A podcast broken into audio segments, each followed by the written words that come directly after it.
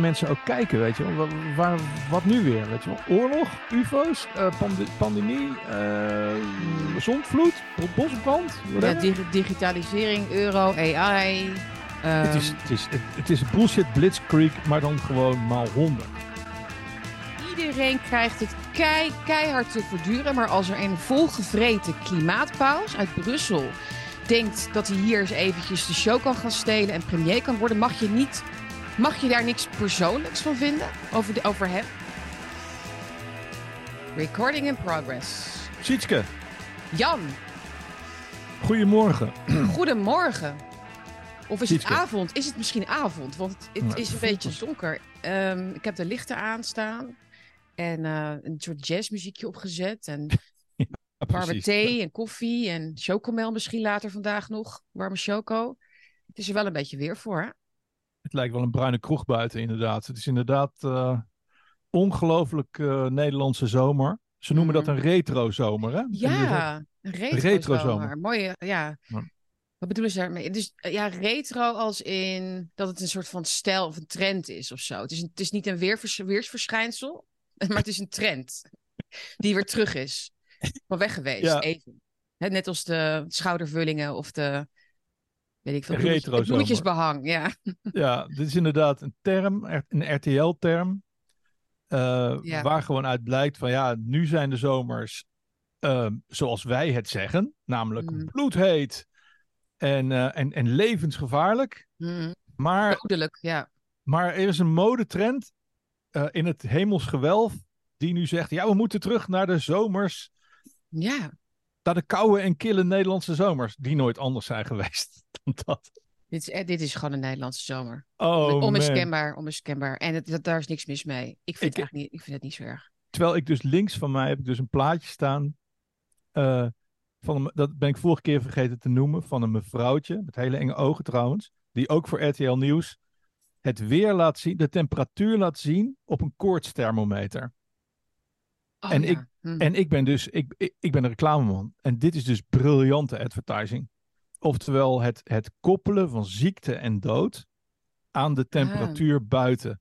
Dus het is 36,9 graden op de koortsthermometer. Ik zal je straks het, eh, het stilletje toesturen.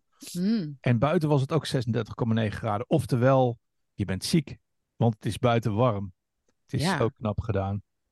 Ja, die associatie leggen inderdaad. Door gewoon dat apparaatje dan te Ja, dat is Dit dat. is zo, het is zo inventief en knap. We, bedacht. we, we are not up against eh, flesh and blood, but against principalities. Wat zegt de Ja. Bijbel ook alweer, weet je wel. Deze mensen zijn zo slim en zo goed in hun werk. Hm. Hey, ik wil even iets zeggen van tevoren. Ja. Gaan we eerst even iedereen welkom Ik- heten? Kom even gezellig binnen en pak even een bakkie erbij. Het is bakkie eh 34 op deze donderdag 27 juli. Ja, jij wist ook graag je bekers af, hè? Hm. Heel mooi. Ehm, en eh, we hebben voor jullie weer een aantal leuke onderwerpen. We hebben ook weer een kleine culture corner deze keer. We gaan eindigen met ehm, eh, stukjes uit deze, eh, deze bundel van Søren Kierkegaard, de Deense filosoof. En die heeft rond het jaar 1844 een aantal toespraken gehouden. Geen preek, hij was geen dominee, hij was wel gelovig. Eh, hij heeft een aantal toespraken gehouden. Die zijn dus ehm, ook uit het Deens vertaald naar het Nederlands. En ik heb daar dus gisteren even wat, ja, wat mooie dingen uitgehaald. Het, over lafheid. Wat is het? Waar komt het door? Nou ja, wat heeft hij hierover te zeggen? En waarom is het leuk dat hij. ehm, waarom vind ik hem een interessante eh, filosoof? Is omdat hij eigenlijk de voor. Ja, hoe noem je dat? De, de, de voorlopers eigenlijk van de existentialisten zijn. Hè? Hij, hij geloofde heel erg in eigen verantwoordelijkheid van de mens. In het handelen wat mensen moeten doen. Dus niet alleen maar dromen en denken en deugen, maar handelen. En dus dingen in de praktijk brengen. En dat, dat maakt het voor mij interessant. Dus maar, we wel in de ge- gaan we- maar wel in de geest gods. Dus niet, ehm, ja, tuurlijk. Niet Mhm. als van ja, wij zijn. Of niet van ik, ik denk dus ik ben. eh, Nee. eh, en ik moet het zelf doen op deze aarde. Maar ehm, in, het, in, ja, Mhm. in, de, in de schaduw gods als het ware. Dat je, Nee, je niet Descartes. eh, nee, niet, Ja. niet Descartes inderdaad, maar inderdaad meer met handen en voeten. En vanuit het idee dat God ons die verantwoordelijkheid heeft gegeven. Hij heeft ons, zoals hij hier zegt, God heeft ons geridderd om zelf besluiten te nemen. Eh, en eh, daarin moeten we een soort, ja, eh, een beetje onderdanig zijn, maar ook dus een actieve houding hebben Ja. naar ons eigen leven en het zelf doen. En Ja. dat, is, dat, dat is denk ik heel toepasselijk voor deze tijd. Hey, waar ik even Ja. mee wou beginnen. Ik ben overtraind. Maar, maar ik ben overtraind. Ik, eh, mijn rug, Ja, ik ben echt, ik merk echt, maar ook mijn hoofd. Ik ben gewoon, ik zit op zoveel dossiers. Probeer ik dingen te zien en alles, dat ik gewoon helemaal niks meer weet. Ik probeer zoveel te trainen en zo ontzettend goed voor Mhm. mezelf te zorgen. ja, Dat, dat mijn rug gewoon aan het instorten is. Ik bedoel, ja oké. het is echt ongelooflijk. Die, die, er is gebeurd zo ontzettend veel. En eh, Ja, Eh, precies. Nee, ik maar gewoon- ik Ja. zie gewoon, ik zie alles. Ik hou alles bij. En op een gegeven moment word je gewoon wakker. en denk je, "Waar, maar ik weet gewoon helemaal niks meer. Mhm. Ik ben helemaal leeg. Ik weet het gewoon niet meer. Maar over die mentale overtraining kunnen we het natuurlijk hier hebben met elkaar. Eh, maar kijk, als jij gewoon. Ja, hoe vaak doe je dat per week? Als je, als je gewoon te vaak met te zwaar gewicht gaat lopen, Jan. Ja, dan, dan, is dat, dan zegt jouw lichaam dus van, nou, dit, is, eh, dit vind ik niet meer leuk. Ik heb zo'n hele nare Ja. zenuwpijn nu in onderrug. Ja, pas er maar op. Het is wel je rug, hè? Ja. Misschien Maar gewoon eens even eventjes, ja, gewoon pauze. Ja, ik doe het wel zeven dagen in de week inderdaad. Misschien is dat Ja, dat is te veel te veel. Ja. Ik was op de sportschool gaan vragen of zij het kende, rucking. Hij keek me heel raar, hij keek me heel raar aan, die training. Zo van, wat kan ik voor u doen? eh, ik, ik dacht, hoe ga ik dit vragen? Want ik wilde vragen of ze dus misschien iets hadden wat ik om kon doen. Of misschien polsgewichten of eh, weet ik veel. Nee, mm, eh, nee hij, hij vond het heel, heel vreemd volgens mij. Rucking. Maar ja. Dus eh, ja, ik, ik wissel het gewoon af met andere gewoon fitnesstraining en eh, andere cardio dingetjes en zo. Maar ik ga het zeker niet zo vaak als jij, twee, drie keer in de week of zo. Nou, ik, ik merkte voor het eerst dat ik, eh, ik merkte voor het eerst deze week dat ik bijna 60 ben. Ik, gewoon, ik kan niet meer en kickboksen en 10 kilometer lopen op een dag. En, Nee. Nee, maar, dus, maar ook dus mentaal een beetje vol. Ja, ik heb het ook. vol, zeg je dat? Verzadigd is ook niet het woord. Ik ben nooit echt verzadigd. Ik vind het altijd leuk om nieuwe dingen te leren. Maar ehm, de mentale kracht die nodig is om nog chocola te maken van heel veel wat we in het nieuws zien, is wel. ehm, ja, ook. eh, is niet onuitputtelijk, laat ik het zo zeggen. Dus je wil alles, je wil alles doorhebben, je wil alles bekijken, je wil de slachting van Frans Timmermans en eh, de, Mhm. de, de, de, de, het dossier uh, Ja, Schimmelpenninck en, en Ja. alle vertrekkende Kamerleden en alle vertrekkende bewindspersonen en de, de, de, mhm, de, de de, de, politiek, ja. de- de- heb je de hemel, de gesplitste hemel gezien? de- Nee. Nee, fucking hell, gewoon hemel door midden gesplitst. Mensen Waar- allemaal die naar boven kijken. Waar was dat dan? dit echt, eh, dat was een filmpje uit Amerika, ik kan het je toesturen. Oh, Ehm, er gebeurt Hm. echt zoveel. En eh, dat ik echt iets heb van, oh, die zit, waar moet ik kijken? Waar mag ik kijken? Dus, dus ehm, take it away, lead the way. Ik, mhm. ehm, ja, we gaan gewoon kijken of van we alles komen. iets. Ik weet van alles iets. We halen het wel uit onze tenen voor jullie, eh, lieve bakkiekijker en luisteraar trouwens. Want we Ja. zitten ook op Rumble, we zitten ook op Spotify en op Soundcloud. En vergeet niet te liken en te delen en te abonneren vooral. Dat kan heel makkelijk hieronder met de knopjes. En dan krijg je altijd een notificatie als wij eh, weer een video hebben. Ja, wat willen we bespreken? Nou, even de obvious, want wij zijn natuurlijk vervente twitteraars. En wij vinden iets van de nieuwe naam van Twitter, Ja. X. Eh, we hebben nog, ja, ik heb met een schuin oog een beetje gekeken naar de rechtszaak tegen eh, Thijs Reumer. En waarin hij ook vooral de rol van Saskia Belleman dan weer heel grappig vindt. Hoe er wordt gereageerd op haar. Zij is natuurlijk eh, de rechtbankverslaggever van de Telegraaf. En zij krijgt dus heel veel haat, weet je wel. Want mensen reageren dan hun hekel aan Thijs Reumer op haar af. Het is echt heel, heel typisch. Ehm, inderdaad, nog wat, wat dingen die jij stuurde over Timmermans. Hè, dat mensen boos zijn, dat hij door het slijk wordt gehaald op tv. Oh man, Slachting. even. De slachting, ja. Op de persoon spelen. Ik bedoel, die tv-mensen doen echt niets, niets anders. 365 dagen per jaar als het om andere mensen gaat. Hè? Of als het over boeren gaat, of over Baudet gaat, of over weet ik veel, iemand als Jan Roos bijvoorbeeld nu ook weer. Iedereen, iedereen krijgt het kei, keihard te verduren. Maar als er een volgevreten klimaatpaus uit Brussel denkt dat hij hier eens eventjes de show kan gaan stelen en premier kan worden, mag je niet, mag je daar niks persoonlijks van vinden over, de, over hem?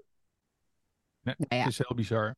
En wat Pauw en ik, uh, Fidan Ekis hebben gezegd, hè, want daar ging het dan over, dat stukje, laten we maar meteen bespreken, uh, is dat, ze, dat het een ijdele narcist is. En Pauw die had kritiek op zijn versie van het neerstorten van de, de MH17. En het is gewoon waar wat hij zegt. Hè? En het is, het is helemaal, het, zo ver gaan ze helemaal niet, Fidan vind ik, en Jeroen Pauw. Ik vind het ook dat, en, dat vinden, en dat vinden ze dan al emotiecultuur. Nou ja, nou, gewoon het sowieso het spreken over slachting vind ik in het geval van, uh, ja, het is bijna porno natuurlijk in het geval van Frans Timmermans. Want ik bedoel, hoeveel beesten zijn er al niet geslacht om, om meneer zijn, uh, zijn, zijn, zijn, zijn vleespens uh, te vullen, weet je wel? Die enorme gore pens.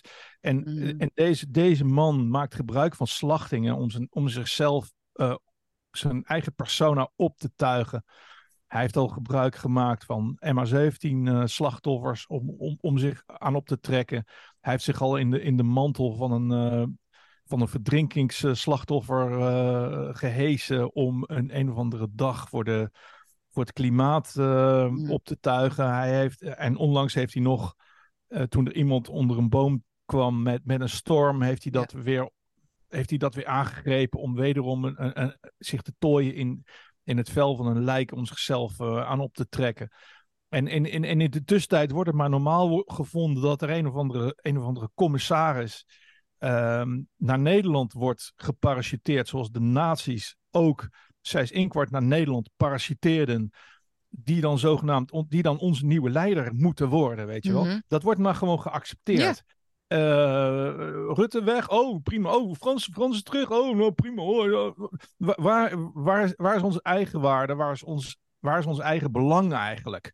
Weet je wel? En dan wordt zo'n man heel voorzichtig door een Fico Fidanekis en, uh, mm -hmm. en zo'n Jeroen Pauw een beetje op, het, uh, op, op de barbecue gezegd, pun intended, ge gelegd. En dan, ja, dan, dan is Leiden in last en dan wordt Fransje geslacht. Ja. Nou, ik, het is pure porno. Ik vind het pure porno. Het past zo weer in de revolt of de elite uh, beeld wat ik dan heb. Hè? Dus de elite die zich alsmaar gekwetst en uh, ja, kwetsbaar zogenaamd opstelt. En oh, we willen, we willen alleen maar aardig gevonden worden en we doen zo ons best. Uh, het is zo'n ja. omdraaiing. Het is zo onderstebovenwereld. Um, de grootste bullenbakken, politieke bullenbakken, zijn eigenlijk het snelst gekwetst en zielig. En dan gaan de media, die media puppets gaan er gewoon in mee. Dat je dat niet kunt zien. Dat je, daar, dat je denkt dat daar, dat daar een taak ligt voor jou als journalist om die mensen in bescherming te nemen. Hè? Ik, ja. Werkelijk, echt. Dat, uh... dat, zijn, dat zijn echt van die dingen. Ja, op een gegeven moment gaat je hoofd gewoon knetteren. En dan weet je het gewoon niet meer. Van ja, maar ja. mensen zien jullie het dan niet wat hier gebeurt, weet je wel. Ja, dus die, uh, dat stuk in die Volkskrant, dat, daar staat dan in. Um, um, die persoon die dat schreef, zei wel van ja, ik snap wel dat dat MH17-verhaal misschien slachtoffers heeft gekwetst, hè, dus van die ramp, dus nabestaanden. Want het schijnt dus dat na die uitspraken van Frans Timmermans er een, heel, hele batterij van allemaal hulpverleners uh, uh, al, al, die nabestaanden moest gaan opbellen. Want die waren helemaal over de rode na die uitspraken van uh, Timmermans. Daar hebben mensen het niet over, hè? Maar dus, die, familie, die, familie, van die mevrouw die onder die boom gekomen is, is die, ook, die is ook woedend. In ja, Haarlem ja, was dat. Absoluut, ja. Ja. Timmermans, hoe durf je onze overleden. Uh, nee, precies. Maar de Volkskrant, precies. De Volkskrant, die natuurlijk uh, Timmermans blijkbaar in een torentje wil, die zegt dan: Ik betreur dat Pauw en Ekies zich zo hebben laten meeslepen door de emotiecultuur van de sociale media. Een ja. novum in de traditionele journalistiek. Enige professionele distantie was ook hier gewenst geweest. Een novum, novum. in de traditionele. Uh, ik, ik, ik kan, als je gewoon Volkskrant Baudet googelt, hè? Ja, Hoezo precies. een novum? De Volkskrant. Emotiecultuur. Ja. ja, goed. Het is duidelijk. Ze, ze, ze, ze, kunnen, ze hebben geen spiegel meer. Deze mensen hebben gewoon geen spiegel. Nee. nee. Alles, alles is projectie. Projectie. Zo... Wat zij doen, dat doen anderen. Dat is wat, wat er elke keer aan de hand is. Ja. Maar we gaan niet uh, Timmermans er helemaal over doen na vorige keer, denk ik. Onze mening nee. daarover is wel. Uh, heb jij er nog is iets over? Maar... Is wel duidelijk. Nee, ik ben, ik, ik ben helemaal klaar met die man. Het probleem is alleen dat hij niet klaar is met ons. Hmm. Dus um, ja, we zullen, we zullen ons met deze, deze smeerkees bezig moeten blijven houden, vrees ik. Deze En ik denk ja. dat het ook goed is. Ik denk ook dat het goed is om soms in herhaling te vallen hoor. Ja. Want, want dat doen de, de, de media ook. En de, de mensen waar we het straks misschien ook nog even over gaan hebben. De, de mensen die zich die weg, die al, al, al jankend en, en zeurend eh, weggaan uit Rodels en, eh, en zo. Ja. Ja, die blijven toch denken: oh ja, Frenske, laten we lekker op Frenske stemmen, weet je wel. Dat hou je toch. Dus het is goed om af en toe te herhalen. Dat is helemaal niet zo slecht. Nee. Maar goed, Ja, nee, die klimaatvluchtelingen uit Rodels. Ik, eh, ik zag het over te hebben. Wat zeg je? Je valt even weg nu. Gevallen nu voor mij. Ja, je bent er weer. Ja, Ben ik was, even, was even een kleine hapering in, op de Ja. lijn. Ja, Ja. is ben je er weer? Ja. Eh, klimaatvluchtelingen. Dus lees zeg maar Henk en Gerda en de familie, eh, de familie Tokkie, zeg maar. Ja, dat wil ik eigenlijk niet zeggen, maar... Ben je er nou nog of niet? Ja, ik ben er, ik ben oh, er sorry. nog. Nee, Ik zat, je, zat, je zat zo stil. ik denk, Nee, ik zat, ik zat in het, jij, zat ook, jij zat ook hartstikke stil. Ik had in de tussentijd de, de, de Oh. brug- het bruggetje gemaakt naar, eh, naar Twitter. Maar jij hebt het bruggetje gemaakt naar Henk en Ingrid eh, op Rodos. En Ik denk dat we iets langer over Twitter moeten hebben. Dus laten we maar even de klimaat. ehm, die, ik, wil, ik wil even het beeld van die vluchtende mensen op hun, eh, op hun slippers eh, en in een zwembroek. Eh, van het hotel naar het vliegveld. Wil Ja. ik even eventjes kwijt, zeg maar. Ik wil, ja, ze voelden zich net, eh, net asielzoekers. Ja. hè? ja, nee, maar, Ja. ehm, maar er is natuurlijk meer aan de hand dan dat deze mensen natuurlijk. Ik, ik snap het best wel dat je, dat je bij wijze van spreken in het holst van de nacht je hotel uit moet. En dat was niet hoe we het ons hadden voorgesteld, hè, dat idee. Eh, maar dat de, hoe de media in Nederland daar dan. eh, eh, hoe ze dat portretteren. Dan gaan ze dus langs bij die mensen die inmiddels alweer thuis zijn in Nederland. Die gaan op de foto aan de keukentafel. Dan met een iPhone zo. En dan laten ze de foto's zien zo op het beeld. En die hebben dan hun moment of, of fame. Weet je wel. Hun, hun, hun moment dat ze, dat ze eh, hun ervaring kunnen delen met de wereld. Hè? En, dan komen er inderdaad teksten uit van. Nee, ik voelde me net een asielzoeker. En, maar ook mensen die zeggen. Ja, we vonden het hotelpersoneel wel erg gestrest. Ja, Weet je wel, zo van dat, ja, dat vind ik dan niet zo. hun, hun huis staat in de fik, weet je wel. Ja, die hebben andere. Die hebben maar kun je een beetje leuk doen? Je huis staat misschien in de fik, maar kun je een beetje leuk doen? Ik heb Ja, wel leuk- ja, ik heb hier, precies. Ik heb hier, ik heb hier, ik heb hier elf maanden naartoe geleefd. Ja. En toen dacht ik, ja, de, de, de, de Nederlandse vakantieganger is nog erger dan de Nederlander zelf. Hè? Dus, het is, eh, Ja. eh, ja, Ja, precies. het, het is dat, het is dat, dat, ja, je hebt, volgens mij, we hadden toch laatst hadden we het even offline daar ook over, hè? Dat, dat, dat, eh, het machinale, weet je, van, van het, in het vliegtuig stappen, eruit stappen. Je wordt, het, het, het, het nadenken stopt gewoon en dan begint het grote genieten. En dat moet dan gewoon gaan gebeuren. Dat moet zich gaan ontvouwen voor hun ogen. Dat zwembad en het buffet en entertainment en eh, de harmonie met het gezin en de vrije tijd die ze eindelijk met elkaar hebben. En natuurlijk het snorkelen. Ehm, nou ja, en Dan wil je geen bosbrand, Sietske. Daar heb je niet voor betaald. ja.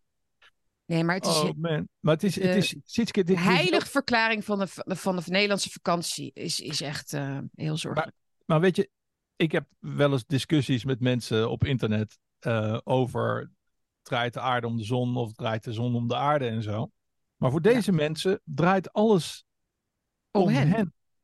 Dus een, een, een hele wereld en de zon en de maan en de aarde zelfs. Alles draait om de Nederlandse va- Mhm. En, en het, het, het maakt gewoon geen reet uit of je, of je, of je huis afvikt, eh Julio. Eh, het, het maakt helemaal niet uit of, of jouw hele hebben en houden, of jij, of jij nog zes maanden in de, in de, in de houtskoolstank eh, zit. Mijn vakantie, daar heb ik voor betaald. En het feit dat ik nu terug naar huis moet, dat betekent dat ik heel zielig ben en een asielzoeker. In plaats dat je een emmer pakt en probeert te helpen, Mhm. weet je wel? Nee, Mhm. deze, dan zijn onze Ja, dan maak je er precies maak er een andere ervaring van. En ja, Het is, het is, het is, Nee, maar het is- precies. En maar dat, dat ze met dezelfde ernst op de foto gaan voor een telegraaf bijvoorbeeld.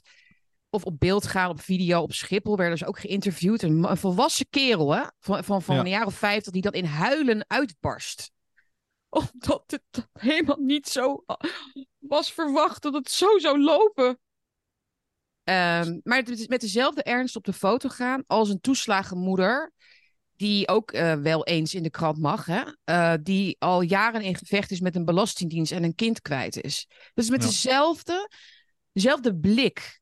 Hè? Dus dat het leed, het klein ja. leed van de Nederlander is, is eigenlijk, ja, op dat moment gewoon zo belangrijk dat het eigenlijk alles uh, overschaduwt, letterlijk. Ja, maar zieligheid is de nieuwe adel. Hè? Dus ik bedoel, de, de, ja. het echte grote leed van mensen die hun kinderen kwijt zijn. Hmm. Ja, daar wordt amper naar gekeken, want dat is maar lastig. Weet je wel, dat is gewoon veel ja. te hebben. Dat, dat, er, dat er in Oekraïne in de tussentijd 300.000 Oekraïnse jongens zijn, uh, zijn gestorven achter de grijns van, uh, van Hmm. Rutte. Uh, weet je wel, daar wordt niet over gepraat, want dat is veel te pijnlijk. Dat wil je hem niet Ja. weten. Het is juist het grote leed van de tent die in de fik staat, weet je wel. Dat is, Ja, dat is pas ja. erg, weet je wel. Ja. En dat je dan in de rij moet staan voor het vliegtuig, omdat het zo'n chaos is op Rodos Airport, weet je wel. Dat is pas leed, weet je. Dat is erg. Ja, want dat hadden ze niet verwacht. En ja, nee, maar het is wel het, het lijdensfetischisme, zoals ik het wel eens noem. Hè. Het is inderdaad wat jij zegt, of het is het, het kleine, eh, of, maar het kan ook één, per- als, eh, dat mag, maar ehm, of het moet één persoon zijn die iets heel ergs heeft meegemaakt, zoals een eh, Maarten van der Weijden, hè? dat is een goed voorbeeld natuurlijk, maar of, of Ja. dat kindje met die, met die gelakte nageltjes, weet je dat nog, een paar jaar geleden, die bij Serious Request in dat glazen huis ging zitten en dat jongetje overleed een tijdje later. En daar ging iedereen, dat werd internationaal, werd hij helemaal, of ja, niet internationaal, maar sorry, nationaal werd hij eh, ja, echt helemaal ehm Oh ja, ja, ik weet het. Ja, zelfs Jesse Klaver ging mee toen. Doen toen. En ja, mensen lopen daar graag voor, eh, voor uit, voor, voor het meehuilen en meebeleven. Maar ze zijn is- eigenlijk vooral.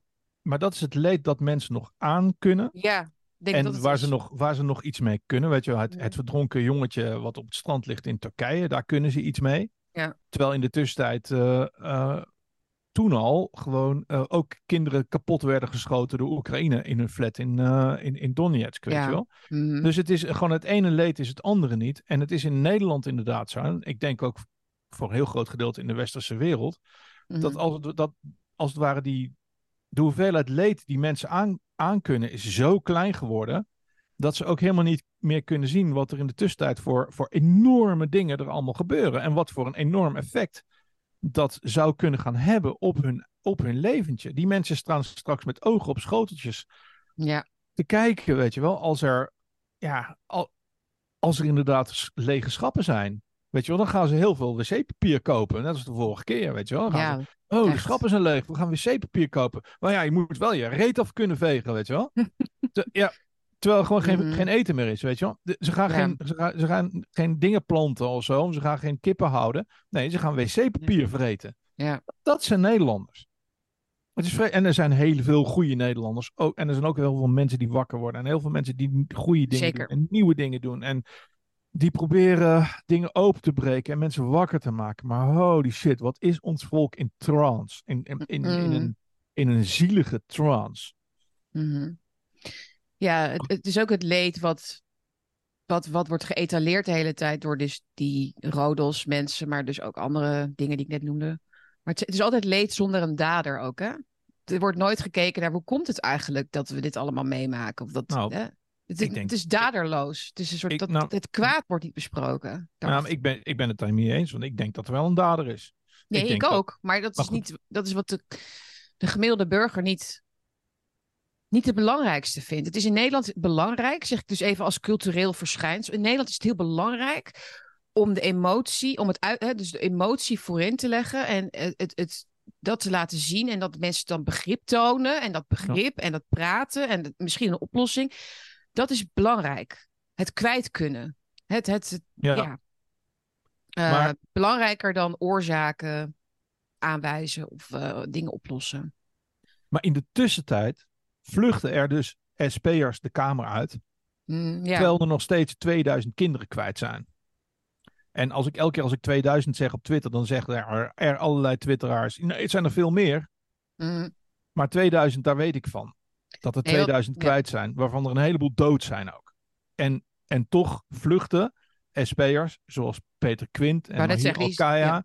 en, en Renske Leijten en zo. Die vluchten dan de kamer uit. Want ja, ze bereiken toch niks. En het is wel mooi geweest. En het is tijd voor het gezin. En wat maakt het uit? En zo. En ik denk van, weet je, Mhm. mensen kijken. eh, The nation turned their lonely eyes to you, weet je wel. Daarom kijk ik jullie er eigenlijk meer op aan dan op de echte schoften.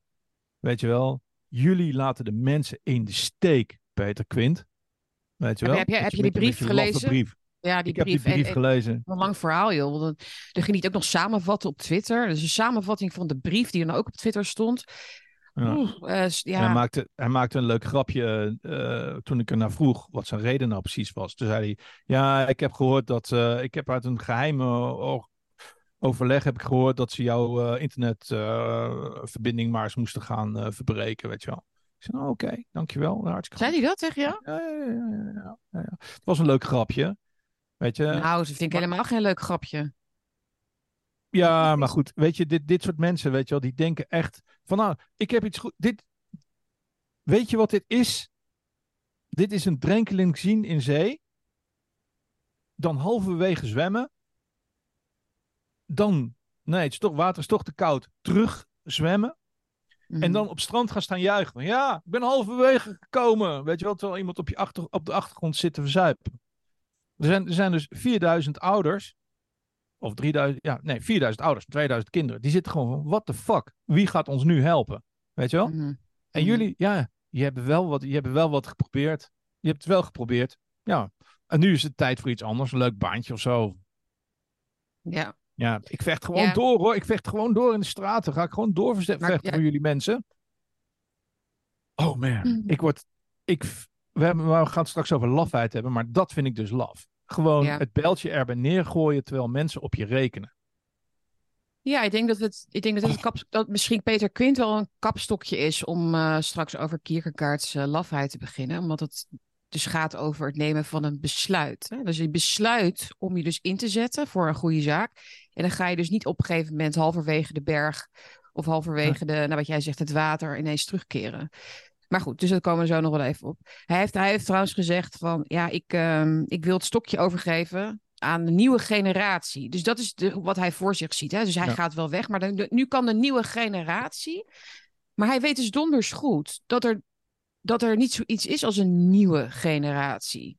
Ik, ehm, het impliceert dat er dus een nieuw, een nieuwe, fris, ehm, gemotiveerde, ambitieuze groep mensen is.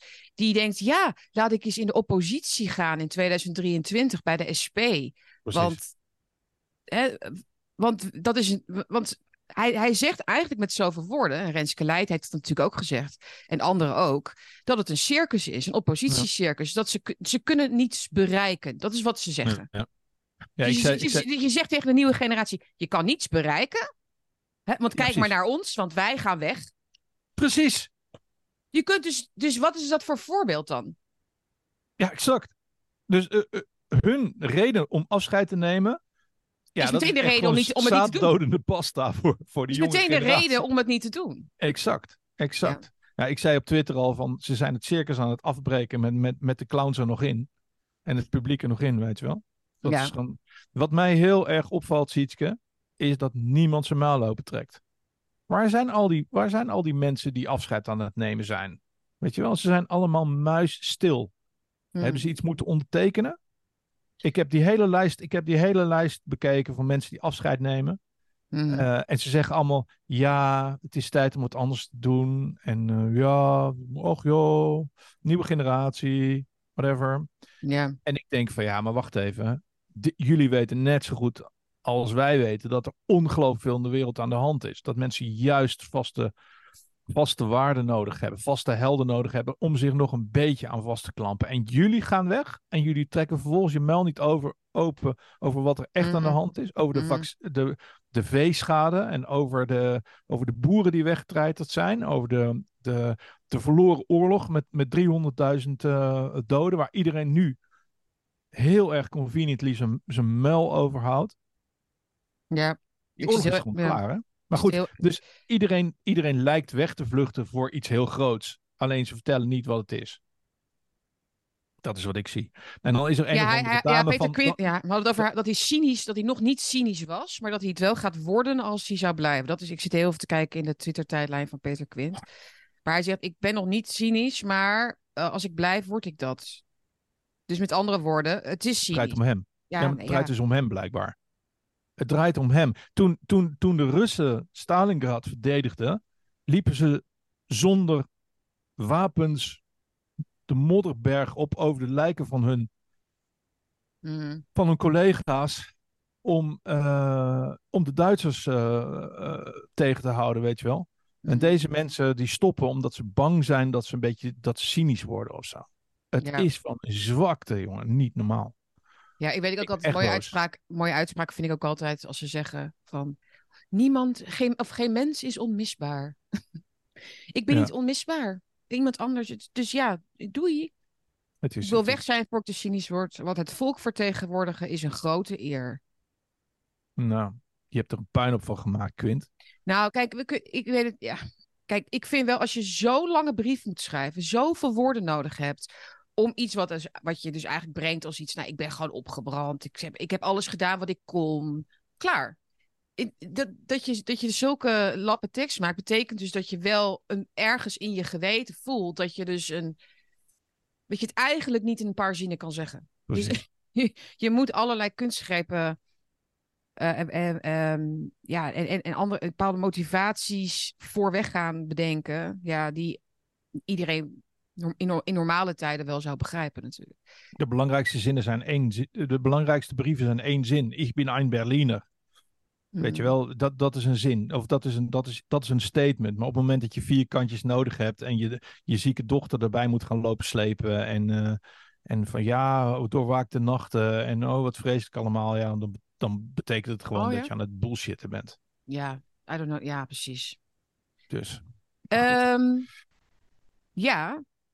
Nou ja, goed, dan was er dan natuurlijk nog het NRC-stukje met een grafiekje of een tabelletje waarin, waaruit, waaruit zou blijken dat er helemaal niet veel meer mensen weggaan nu dan in andere jaren uit de Kamer. nou, dat is dus niet waar. wa- Ja, maar precies, want het gaat, dat, dat ging dus ook over vertrekken na verkiezingen. Hè? Dus mensen die niet meer op de lijst stonden of die dus weg werden gestemd Precies. in feite omdat de andere partij groot werd, zoals de LPF. Of de... Dus weet je, dat soort, dat soort eh, omwentelingen, zeg maar, die, die ervoor zorgden dat mensen weggingen. Maar dit is niet, dit is niet een, ehm, dit is vier maanden voor een verkiezing. Dus je gaat voor de campagne al zeggen van ik, ik, ik, ik ga het niet eens proberen. Is, Dus dat is een heel, hele andere situatie. En eh, weer dus ook een blijk van het NRC dat ze niet geïnteresseerd zijn in de achterliggende redenen. Dus dat je meteen Ja. met zo'n stom tabelletje komt.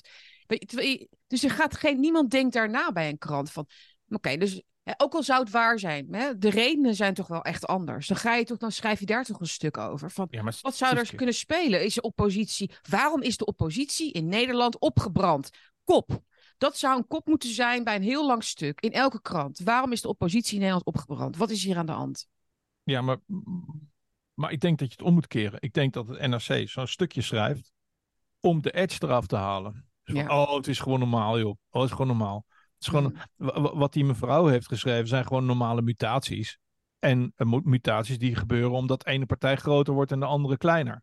En omdat mensen gewoon doodgaan of eh, met Mhm. pensioen. Dit zijn gewoon prominente politici. Want vaak zijn dat ook nog backbenchers hè, die weggaan.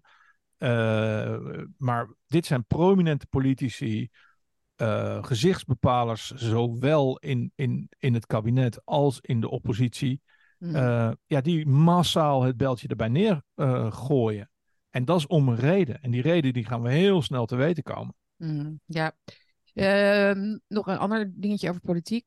Eh, Caroline heeft aangegeven dat ze geen premier wil worden als ze de grootste zou worden. Weet je waarom? Nou, ik denk dat, dat ze. Ik weet nog heel goed dat je? zij Frans Timmermans een hand gaf in de hal ehm, bij de Tweede Kamer. Dat zij een overleg hebben gehad. En ik denk dat daar alles al afgetikt is. Dus Nou ja, ze, ze zegt in ieder geval dus dat ze het niet wil, omdat ze dan nette kleren aan moet. Dat heeft ze gezegd dus, in een interview met Telegraaf.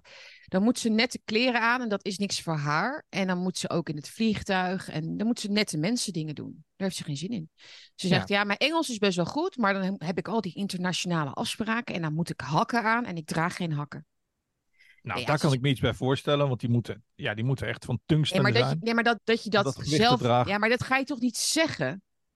Toch? Nee, het is dezelfde mentaliteit als die mensen die in? Rodos uit de camping vluchten. Je hebt helemaal niet. Dat is helemaal niet. Je hebt toch. Je hebt. Wat is het? 50.000 boeren eh, te redden van, van, van, van, van de ondergang. En hoe cares wat, je, wat jij aan moet? Jij Dat gaat is- gewoon. Jij, als, jij, als het volk het wil, dan ga jij gewoon in dat torentje zitten, toch? Dus dat is precies hetzelfde als met die drenkeling. Van ja, ik ga niet in het water springen, want ik heb een nieuw horloge. Weet je wel, terwijl er een kind ligt te verdrinken. Dat, dat is wat zij zegt. Ja, ik heb daar geen zin in hoor. Ik heb geen zin om eh, mijn haar, mijn haar te moeten kammen elke ochtend. Ik heb geen zin om elke ochtend te moeten douchen hoor. Eh, Anders zou ik het misschien wel doen. Maar eh, ik heb geen zin om te douchen. Ja, ze heeft Dat ook wat ze vliegangst. Ze, heeft ook vliegangst. Ja, kijk, dat je, dat, dat je het niet... Kijk, ze ambieert het niet. Dat kan. Ze ambieert het. Maar dat... Het is wel het logische gevolg van een besluit wat je ooit hebt genomen... om dus eh, partijleider te worden van een hele snel... van een groeiende partij. Ja. Dan moet je ook B zeggen, vind ik. Dan moet je ook die macht durven pakken. Maar wat heb je aan zo iemand als dat eigenlijk niet eens haar ambitie... Het is haar ambitie dus niet eens. Maar goed, ze, zegt wel, maar- nu, ze heeft nu wel gezegd dat er dus iemand klaar staat waarschijnlijk... met internationale ervaring. Eh, en die kan dan namens BBB, mocht dat ooit gaan gebeuren... dat, dat de BBB dus inderdaad een premierkandidaat mag voorstellen... dan wordt dat die persoon. Maar ze wil nog niet Ja. zeggen wie, maar binnen een paar dagen gaat ze het bekendmaken. Als een oud. VVD'er of een CDA? Ja, dat dacht zo? ik dus ook al. Want ik dacht van, want Pieter Omtzigt bijvoorbeeld, die heeft geen internationale ervaring, toch? Dus die Nee, wordt het dan niet. Nee. Dus wie heeft er wel, ja, ik weet niet wie, wie dat zou kunnen zijn, maar het, was, het is in ieder geval wel iemand dus die al in het, hoe noem je het ook alweer? Op die, eh, op die baantjescarousel Nou, zit al een tijdje. Frans Timmermans, die heeft heel veel internationale ervaring. En daar heeft ze een heel lang gesprek mee gehad. Maar ze vond ze een eh, hele een paar aardige man. Nee, ze vond het een hele aardige man, zei ze. Ja, nou, dat zegt toch genoeg. Zo'n hele aardige man. Nou ja, als iemand heel aardig is, ja, dan, dan, dan moet je gewoon, eh, toch? Dan ga je gewoon samen, samen optrekken, toch? Dan, dan nou, gewoon, dat is belangrijk. Gewoon een aardige man. En hij wil wel douchen. Hij wil wel eh, vliegen. Ja, dus ja, maar hij wil, gewoon, hij wil gewoon eh, heel Nederland ontbossen. En, en, maar ja, god, ja, dat is, mag hij weten, toch? Zijn mening. Ja, ik ben, Car ik ben Caroline, ik heb een andere mening. Het mag allemaal naast elkaar bestaan. We hebben het er gewoon over, toch? Maar, maar ik denk. Maar goed, ik vind het een heel deprimerend gesprek worden. Maar ik heb ook het idee, weet je wel, waar ik dus mee begon. Van dat ik gewoon op zoveel dossiers mijn hoofd aan het vullen ben. Dat ik het gewoon, dat ik het idee heb dat ik gewoon helemaal niks meer zie. Moet je je voorstellen, al die normies. Die Hmm. kijken ook nog eens een keer gewoon televisie. Dus die, die hebben ook nog eens een keer al die, al die, al die informatie Mhm. van Noor- uit Normiland. En dan alle informatie die ze horen op verjaardagsfeestjes en op de camping. Van heb je dit gehoord, heb je dat gehoord. Dus die hebben ook zoiets van, ja, weet je wat, geef mijn Porsche maar een fikkie. Ik ga gewoon lekker met de, met de caravan. ga ik lekker naar de Veluwe. En eh die krijgt, het, krijgt de pest maar, weet je wel, zoek het maar uit. Après moi, le déluge. Dus ik, ik, ik kan me daar ook Ja, wel ja. weer iets bij voorstellen. Ik vind mezelf nu eigenlijk te neerbuigend naar gewone mensen. Die doen ook maar hun best. En die moeten Ja, we moeten daar zeker niet aan, meega- aan mee gaan doen. Nou, Het, ik, ik vind woorden als de kleinburger en zo ook verschrikkelijk als mensen dat in de mond nemen. Of ik spreek liever dan over de massa inderdaad of over de normies. Ja. En die, niemand, die zich, eh, niemand hoeft zich aan, aangesproken te voelen die zich niet zo voelt. Nou, Ik bedoel, zo, niet, zo, eh, zo zie ik het ook. we moeten niet de Sander Schimmelpenning gaan lopen uithangen. Ja. Beroepsagitator die de hele tijd gewoon mensen die wel werken eh, bij hun knieën probeert af te zagen. Maar heb je nu door, hè? Dus eh, dat, zoals ik het in de- mijn laatste column in de andere kant noemde, dat ze nu met een nullificatie, dat is een mooi woord, bezig zijn van, van, van oud-links. Ja. Dus het, de sociaaldemocratie. De mensen die Ja. daar nog openlijk voor pleiten. Mensen zoals Ronald Plasterk bijvoorbeeld. Hè, maar die de, dus het, het soort links wat nog belichaamd wordt zeg maar, door Job Cohen. En, maar ook door jonge mensen zoals Laurens Buis bijvoorbeeld. Hè, die, die nog geloven in dat sociale van, van links. Waarin ook vrijheid belangrijk is. En van meningsuiting en al die dingen. Ze hebben na de aanval op Dom Rechts, hè, dus ook ehm, de wappies, eh, nou, wat er allemaal zo bij hoort, extreem rechts, iedereen die eh, kritiek had op de overheid, was, was op een gegeven moment rechts natuurlijk. Maar nu hebben ze ook hun wa- wapens gericht op de mensen die nog het wagen eigenlijk om niet mee te gaan in de links-progressieve globalistische droom. Uh, waarin het oké is om gewoon hypocriet te zijn, waarin je gewoon je zakken mag vullen, waarin je ja, eigenlijk kunt neerkijken op de arbeiders en mensen met een laag inkomen. Ja, die hebben het eigenlijk gewoon een beetje aan zichzelf te danken. Dus wat, wat Sander Schimmelpenning op, opschrijft. Ja. Um, en, dat is, en, en, het is nullificatie, omdat het niet zozeer de mondsnoeren is, maar het is het, is het, het um, ja, aufheben, hè? Ik, uh, is het Duitse woord daarvoor. Ausradieren. Het, het, is, het is een communistisch uh, instrument weer, een tactiek. Is, is ausradieren niet uitgummen? Ja, radieren is gummen. Uitgummen? Ja, ausradieren. Nou, ausradieren. Aufheben ja. is in term van Hegel. Ja. Uh, wat eigenlijk twee dingen betekent. Aufheben betekent dus uh, nietig verklaren. Dus uh, ja, nietig verklaren. Maar het betekent ook oprichten of optillen. Dus je, je maakt eerst iets kapot om vooruit te kunnen. Dat is het progressief, het links-progressieve idee. Eerst moeten we mm -hmm. alles afbreken. Mm -hmm. Of eigenlijk communistisch is het gewoon. Hè? Het is niet eens meer links. Dus, ja, dus eerst, al, ja, eerst alles afbreken. En dan pas kan er dus die nieuwe samenleving komen. Waarin alles echt eerlijk is. En echt gelijk. En echt, weet je wel, happy. En you owe nothing and be happy. Maar als, niemand, als niet iedereen meedoet, uh, when people are left behind, ja, dan werkt het niet. Dan lukt onze droom niet. Dus iedereen ja. moet mee. Ja. Dus daarom loopt oud links in de weg. Dus nu willen ze ook dat uit de hoofden van mensen gaan rammen. Van, ja. we, we, doen niet meer alsof we echt, echt sociaal-democraten zijn. Dat is over. Hou daar, hou daar zo voor op. Ja. de, uh, hebben jullie de, de lokroep nog niet gehoord? Hè? Dat is eigenlijk ja. wat, uh, wat Schimmelpenning meer, min of meer zegt. Als je, en als je niet luistert, en als je niet, dan, dan, dan ja, komen jullie ook in die domme rechtscategorie terecht. Um, ja.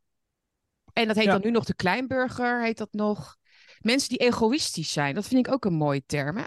Want die Kees Verhoeven, die, die, die had het daar ook over, die uh, oud D66-Kamerlid.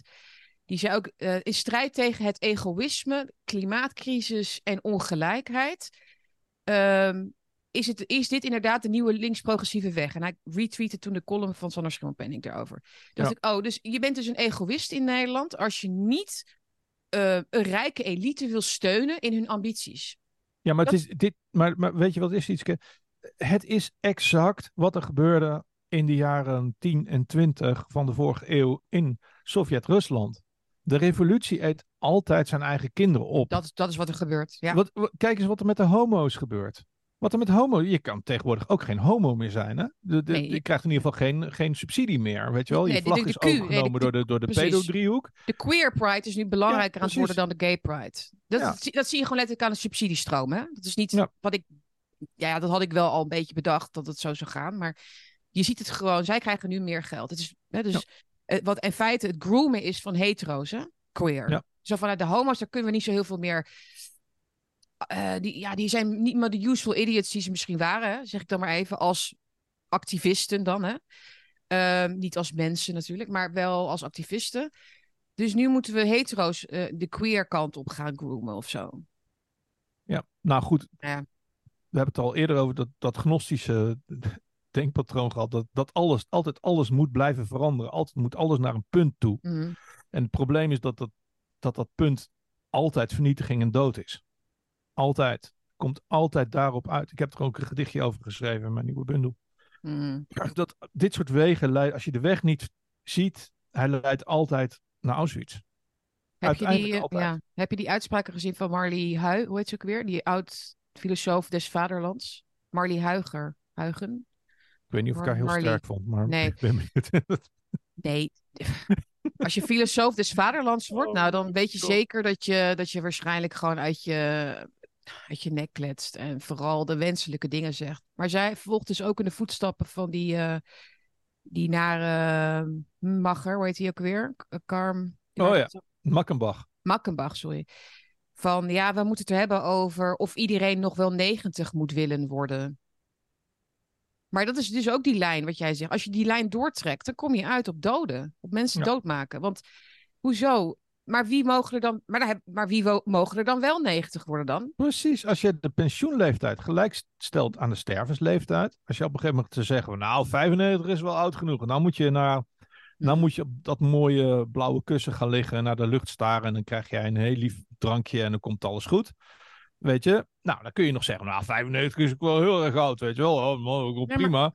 En, je, en je houdt een huis bezet waar ook eh, twee Somalische gezinnen kunnen wonen, weet je wel. Dus dat, dat kun, je nog, kun je nog verkopen, weet je wel. Maar, maar 95 is over, over, over twee jaar is dat 90 en dan is het 85. En dan is het van, ja, maar oma, je bent 70, je werkt niet meer. Ja. Weet je wel? Dus, dus de, op- overal waar een knop aan zit, is levensgevaarlijk in de Mhm. handen van dit soort misdadigers. Ja. Dus gewoon, gewoon het leven moet heilig blijven, omdat het leven van Ja. ons, door ons lieve Heer gegeven is. Daar moet je van afblijven. Eh, dus daarom ben ik ook moordicus tegen, tegen Mhm. nou, sowieso natuurlijk tegen abort, abortus, maar ook tegen ehm, euthanasie. Weet je wel? En Ja. zeker euthanasie, omdat je het leven niet meer ziet zitten. Want als, je geeft die mensen een knop ermee om te zeggen: kijk, deze mensen vinden het leven niet meer zo interessant. Nou, misschien moeten ze een drankje geven. Wel? dan krijg je meet, zoals in Cana- Canada, weet je wel, dat ze, dat ze zwervers op straat vertellen van, Ja. goh, je hebt dan maar een beetje een kutleven, maar je kunt ook dood. Weet je wel? Dat is gewoon werkelijkheid Ja. nu al, hè? Nee, maar dat, die, die wet voltooid leven, dat is, dat, een paar jaar geleden schreef ik daarover, van het is, die wet is een gedrocht, werkelijk. Want wat is, wat dat wordt heel erg gedaan van, ja, als jij besluit dat het leven voltooid is, dan mag jij, hè, met hulp, eruit. Maar wie bepaalt er op een gegeven moment wat voltooid is? Want dat, it takes Ja. two to tango. Hè? Want de mens is niet alleen op zichzelf bezig met, is mijn leven wel ja, is mijn leven af of niet? Het heeft ook te maken met je relatie met je naaste. Eh, ben ik tot last? Eh, het Ja. heeft ook te maken met hulpverleners die ja, eh, het graag zou, mensen graag zouden helpen natuurlijk. Hè? Ja. Graag zouden helpen met, met tot een beslissing komen. Nou ja, je weet hoe dat gaat. Een bakker bak- bakt graag brood. En een psycholoog die op het, bezig is met mensen voltooid ehm, te helpen, zeg maar die, ehm, die wil ook graag dat mensen natuurlijk niet langer dan nodig lijden.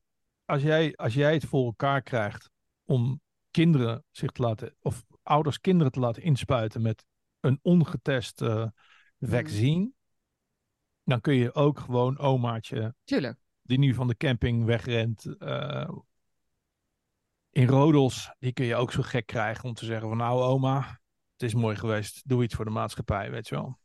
Mhm. Help de mensen. Het is zo cynisch. Ja, we moeten naar maatschappij weer natuurlijk waarin, het, waarin je mensen dus uit de put haalt en zegt, je, je Ja. bent het waard. Je bent het waard. Kijk Ja. naar je leven. Je bent het waard om te sterven op het moment dat God eh, dat beslist of wat dan ook. En dan kan het, voor mij mag je best wel op, op het allerlaatste. Eh, ja, god, eh, dat gebeurt natuurlijk heel veel. Dat je gewoon morfine krijgt en dat het dan een beetje... Maar ja, ja, natuurlijk. maar daar hebben we het volgens mij niet over, toch? Ik bedoel, ik vind niet dat mensen onnodig lang moeten lijden, als dat niet hoeft. Maar dit, is, Nee, dit gaat over iets moet anders. Uit de Dit gaat- handen, dit- het moet uit de handen van de overheid blijven. Maar dit gaat over een maatschappijvisie op de dood. En dat is wat anders dan een medische visie op de dood. Ja. Een maatschappijvisie op de dood vind ik nu heel snel eh, radicaliseren naar ben je nog wel van nut? En eh, ja, dat, dat is wat jij zegt, dat slaat over op mensen hun, op mensen hun gedachten. En, en, en dat, ja, dat gaat woekeren. En dan gaan mensen zich inderdaad er naartoe redeneren. Van nou ja, dat moet dat maar. Maar wat, wat, wat, wat, wat ik heel interessant vind, want het is tot nu toe een vrij deprimerend Gezellig eh, onderwerp, uitzending- ja, precies. uitzending geweest. Eh, maar wat je dus ziet is het Nou ja. waterbed. Wat je dus heel duidelijk ziet is het waterbed-effect. Weet je wel? Ze, ze kunnen wel, ze kunnen FVD wel nullificeren. Ze kunnen de, de tegenbeweging wel nullificeren. Ze kunnen de wappies wel nullificeren. Hmm. Ze kunnen alternatieve uitzendingen wel nullificeren. Maar in de tussentijd is het wel zo dat ze hun kijkcijfers niet meer eh, durven te laten zien. Weet je wel? Eh, niemand kijkt meer naar hen. Nee. Niemand leest meer de waanzin. Iedereen leest alleen. We hebben het daar wel eens eerder over gehad, een bakje of tien geleden. Dat men. Dat, wij hebben het nog over de Volkskrant. Maar lezers van de Volkskrant hebben het al lang niet meer Wij over. hebben, de het, we, hebben het, precies, wij hebben het veel meer over tv Ja, en precies. kranten dan de mensen die ze lezen. wij, wij houden hen, wij Ja. houden hen in stand omdat, omdat wij hen die energie geven. De, de, de, de waanzin van eh, aankomend Mhm. Kamerlid voor D66, eh Sander Schimmelpenning. Weet je wel, die, die geven wij de energie omdat hij zulke waanzin uitkraamt dat mensen nog daar energie in willen steken, weet je wel. Maar in de tussentijd zijn er al zoveel mensen een andere weg ingeslagen. Ja. Heel veel mensen ontvluchten Nederland, dat is Mm. heel erg. Ehm, en heel, Ja, ik, maar heel veel mensen die verenigen zich ook. En die zijn gewoon ja, bezig met boerderijen op te zetten. En met dingen te leren. En oude auto's te kopen waar geen chips in zitten. En op allerlei manieren Mhm. eh, zichzelf, ja, tussen aanhalingstekens, te verzetten tegen deze, tegen deze waanzin. Dat, dat zie je overal. Alleen, ja, dat, daar hoor je dus niks van. Weet je wel? Nee. Nee, er blijft, er blijft altijd een enorme ehm, disconnect tussen wat wij zien en denken dat er allemaal eh, speelt en gebeurt, inderdaad. eh, en wat er werkelijk gebeurt in, in Nederland, denk ik. Ja. Maar, ja, de- ik, daarom hoop ik dat wij dat ook een beetje meta kunnen brengen voor de kijkers. Hè? Dus dat we niet op, op alle ophef eh, in, in eh, eh, gaan, inderdaad. Ehm, en, en, en dingen aandacht geven die dan kunnen groeien, zoals het heet. Maar ik, Ja, maar geloof ook, maar ik geloof ook heel erg dat als je dingen geen aandacht geeft, dat ze ook kunnen groeien. Dus Ja. ehm, je, moet wel, je moet wel iets van een ehm, weerstand bieden, denk ik, tegen, de, tegen die gekte die zich, die zich probeert, de, norm probeert te worden op een of andere manier. Waardoor ik heel soms heel vaak denk, wie zijn er nog inderdaad die hier, ehm, die dit zien voor wat het is en daartegen kunnen strijden? Ja, maar hoe ga je dat doen op het moment dat wij nu al een uur aan het praten zijn en het nog niet eens gehad hebben? Het staat niet eens op ons lijstje, denkbeeldige lijstje van waar we het over zouden hebben. Hmm. Terwijl er in de, in de Verenigde Staten wordt gewoon gezegd, ja, er zijn UFO's en we hebben lijken van de UFO-bemanningen in het congres. Weet je wel? Hmm. Ja, In ja. het congres, hè? Dus gewoon, daar zit gewoon een meneer te vertellen: ja, we hebben, we hebben aliens, eh, die hebben we gewoon. En eh, ja, we hebben ook een heleboel van die, van die UFO's. Weet je wel? En dan weet iedereen die even doorkijkt, die ziet wel dat, dat ze iets anders uit beeld proberen te houden. Namelijk dat de zoon van de Mm. president eh, wordt aangeklaagd. ja. En dat zijn plea bargain in het water aan het vallen is. Eh, maar aan de andere kant wordt het wel in het Amerikaanse congres is gewoon een hearing over UFO's. En er wordt gewoon gezegd, ja, het bestaan. Nou, vroeger was dat tien jaar lang nieuws. Nu ja, hebben we maar, het er niet ja, maar over. dit, nee, maar dit komt en gaat altijd, dit, hè? Dit is de Orwell, natuurlijk, of hoe heet het? Nee, oh, oh, Roswell eh, gehad. Wanneer was dat? In de jaren zeventig of zo? Nou, dus dit komt Ja. en het gaat. Hè? Dit, er- 53, dan ja. zijn er weer inderdaad, of je, dan zijn er weer mensen uit, eh, weet ik veel wat, CIA, FBI, die hele... ehm, en die komen dan weer inderdaad. Maar als dat zo is, show me the evidence. Toch? Ja, maar dat kan, kunnen ze tegenwoordig ook doen met, met Pro- Project Bluebeam. Kunnen ze gewoon, Iets eh, eh kunnen ze gewoon dingen in de lucht eh, laten zien die niet bestaan. Dat zijn Mm, gewoon projecties. en, ja, ehm, nou ja. Maar goed, dus de, daar, ik wil er alleen mee aan, want ik wil het helemaal niet hebben over die fucking UFO's. Het, het Nee. gaat mij er gewoon alleen om dat dit een onderwerp is waar we vroeger vijf jaar lang over zouden kunnen ahoeren. En nu staat het niet eens op het lijstje van de onderwerpen. Oh, dat bedoel je. Ja, ja, ja. ja. Gewoon dat je echt denkt van ja, maar waar moeten mensen ook kijken, weet je wel? Waar, waar- wat nu weer, weet je wel? Oorlog, UFO's, eh, pande- pandemie, eh, Hmm. zondvloed, bo- bosbrand, Ja, dig- digitalisering, euro, AI. Het, is, ehm, het, is, het, het is bullshit blitzkrieg, maar dan gewoon maal honderd. Echt, hè? En als je dit allemaal bij wil houden, holy shit. Ik, ik denk Ja. overigens dat die, over die, nog even over die, over die bosbranden. Mhm. Ja, ik moet altijd denken aan die, eh, die, die, die vegan streaker die toen is opgepakt bij het in de fik steken van een varkenstal. Ik denk, ik denk dat ze gewoon eh, bij, bij, on- bij eh, de afwezigheid van, van, van, van, van heet weer, Mhm. Dat ze gewoon maar bos aan, in de fik aan het steken zijn. Omdat maar gewoon, eh, dat denk ik gewoon. denk Ja, dat- nou, het- dat onze er, zijn, ik- er, zijn een aantal, er zijn een aantal theorieën die ik heb gehoord. En die zijn eigenlijk allemaal even waarschijnlijk. Ik bedoel, dat, er zou ook. ehm, op die plekken zou er een windmolenpark worden gebouwd op Rodos. Dus dat Ja. afvikken had eigenlijk dat doel met name. Dus ook om die gewoon die, eh, die grond eh, braak te kunnen leggen. Daarvoor. Inderdaad. ehm, ja, gewoon, ja, inderdaad ook of voor het, het creëren van propaganda. Hè? Dus, ehm, en we weten, we meten inmiddels echt wel. Hè? We hoe vaak hebben we in, oorlogstijd niet fake foto's gezien, fake, fake events, eh, die later eh, bewezen nep waren, in, eh, in scène waren gezet. Doen ze ook heel vaak bij bootjes die aankomen met vluchtelingen. En er staan ook vaak hele camerateams omheen. En re- regisseurs die de vrouwen en kinderen erin zetten, weet je wel. Dus waarom zouden ze dat inderdaad niet ook met het weer doen? En waarom zouden ze dat niet dan doen met branden? Want weer kun je niet dramatiseren in die zin.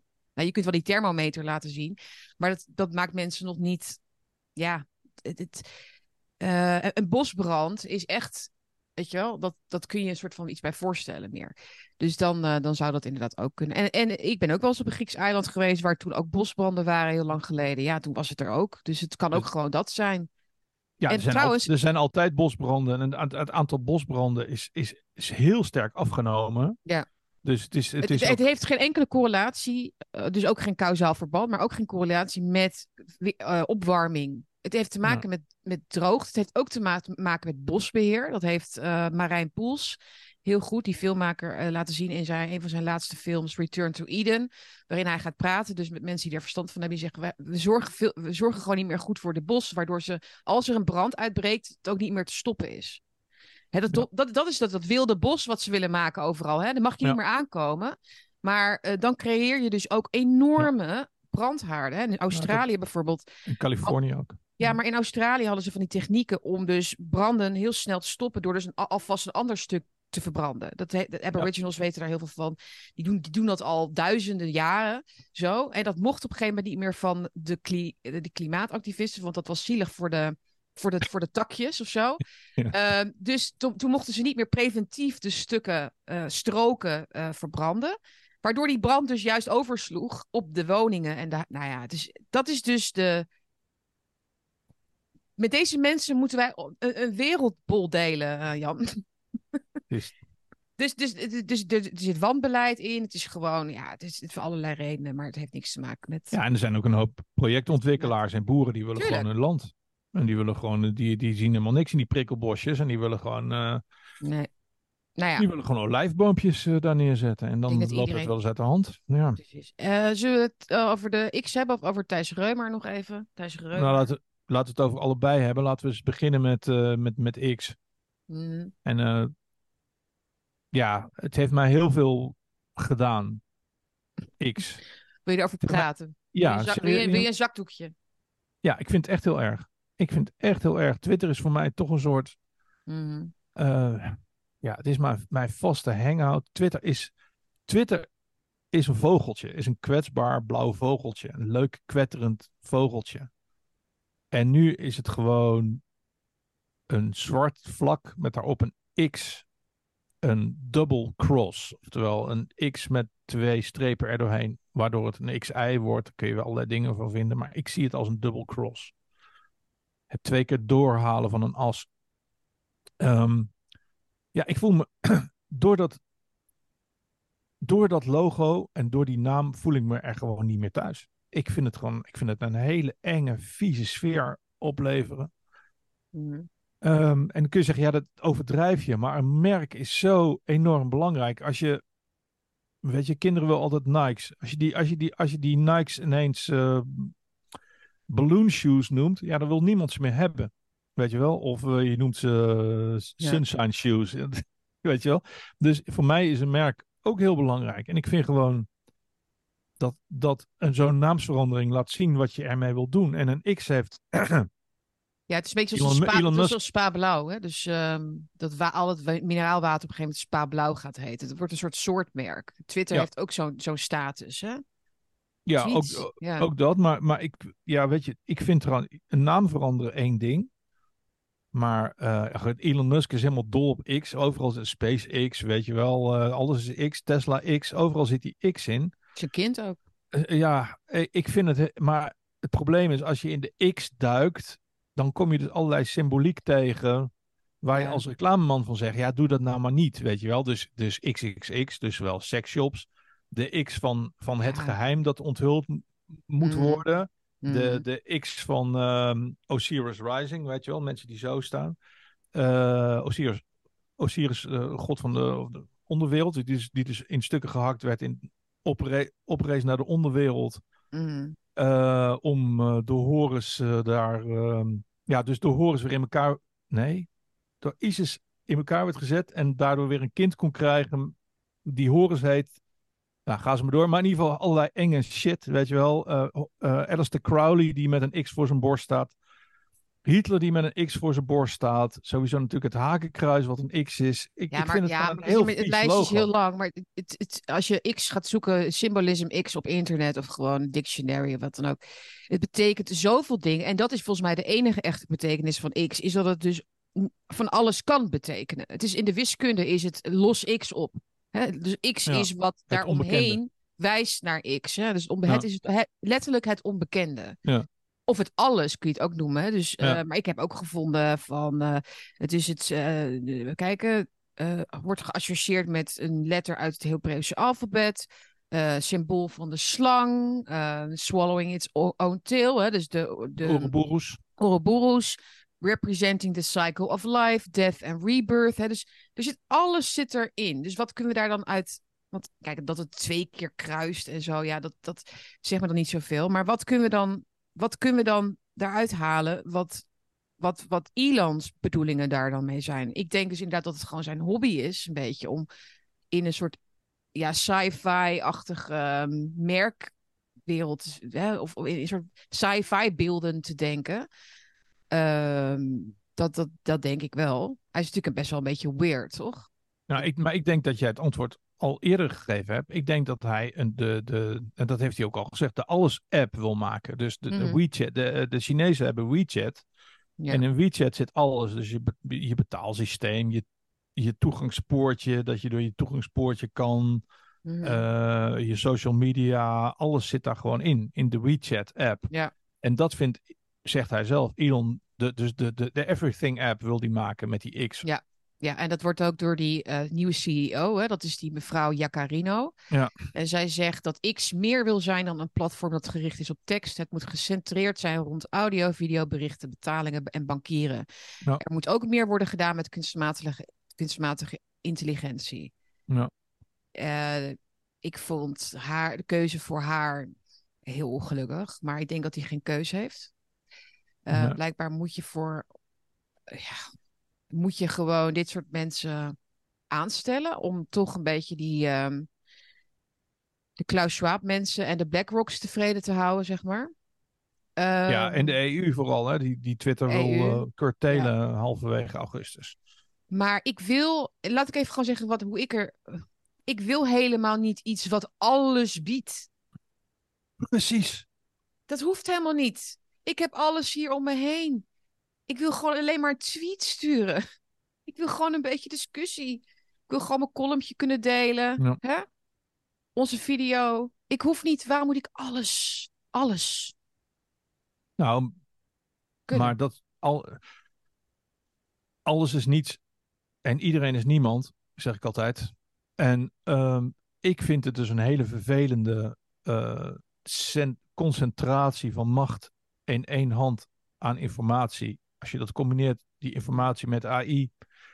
Ik vind dat ik word daar heel erg eh, zenuwachtig van. Dus ik ga in ieder geval mijn activiteiten. Ja, ik ga gewoon andere dingen doen dan alleen Twitter. Want ik, ik vind Ja. dit een hele enge ontwikkeling. Een hele vervelende, enge ontwikkeling. En ik, ja, ik baal ervan, want Twitter is. Ja, ik ben dol. Ik hou van Twitter. Ik vind het Mhm. fantastisch. Alleen, het is geen Twitter meer. Het, het is X. En ik wil niet onder X. Ik wil het gewoon niet. Nou, we kunnen wel een beetje eh, ons eigen plan trekken door het gewoon Twitter te blijven noemen, door gewoon Ja. tweets te sturen. Hè? Ja. Heb je deze tweet al gelezen van die en die? Ja. Ja, ik weet niet, een beetje. Gaan het gewoon zo lang. Ik ga ook niet weg. Ik blijf het wel volhouden. Maar ik heb zoiets van. Ik vind, niet, ik vind het niet leuk meer. Ik mis de vrolijkheid van dat Mm. logootje. Ik mis. Ja, het was perfect, die vogel was Ja. perfect. Eh, Het, het, het kwetterende vogeltje.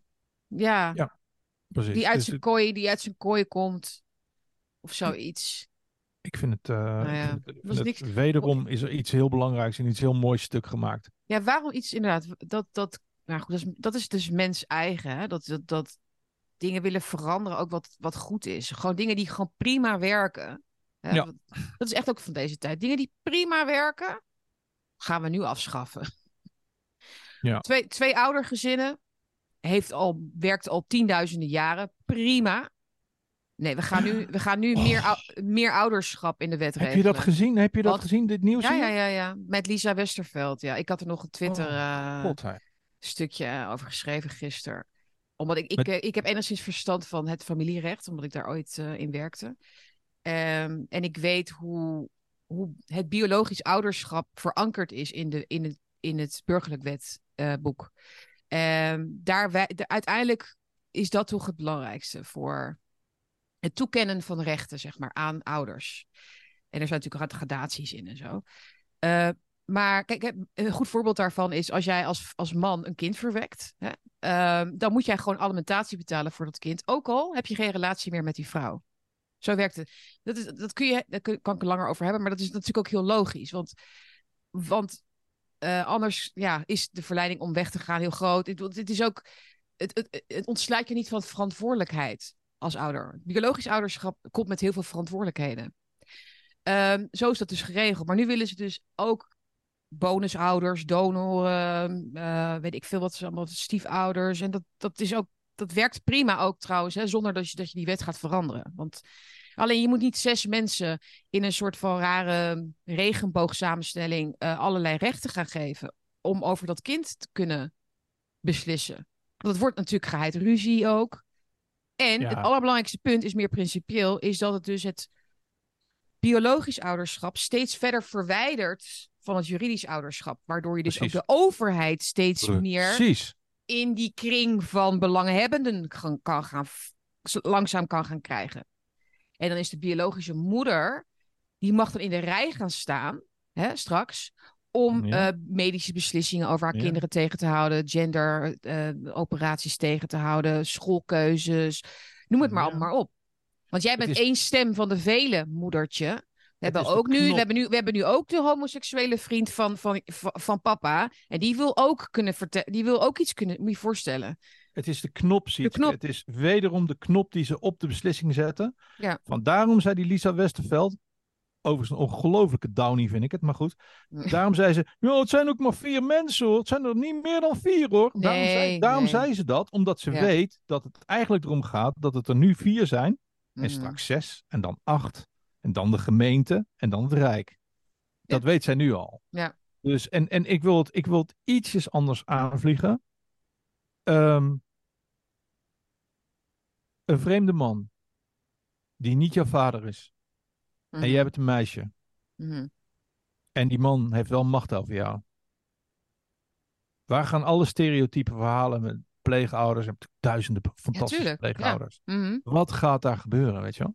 Iedereen heeft nu een eno- enorm grote mel over die, over die beester, hoe heet die, dat, dat kereltje, die, die gepakt is met die, met die, met die vingerende meisjes. eh, Thijs Reumer. Thijs Reumer. Mhm. Maar wat, ah, we, hebben het, we kijken allemaal naar Thijsie Reumer en, en zijn drie eh eh, eh, 14-jarige Slachtoffers. Ja. slachtoffers.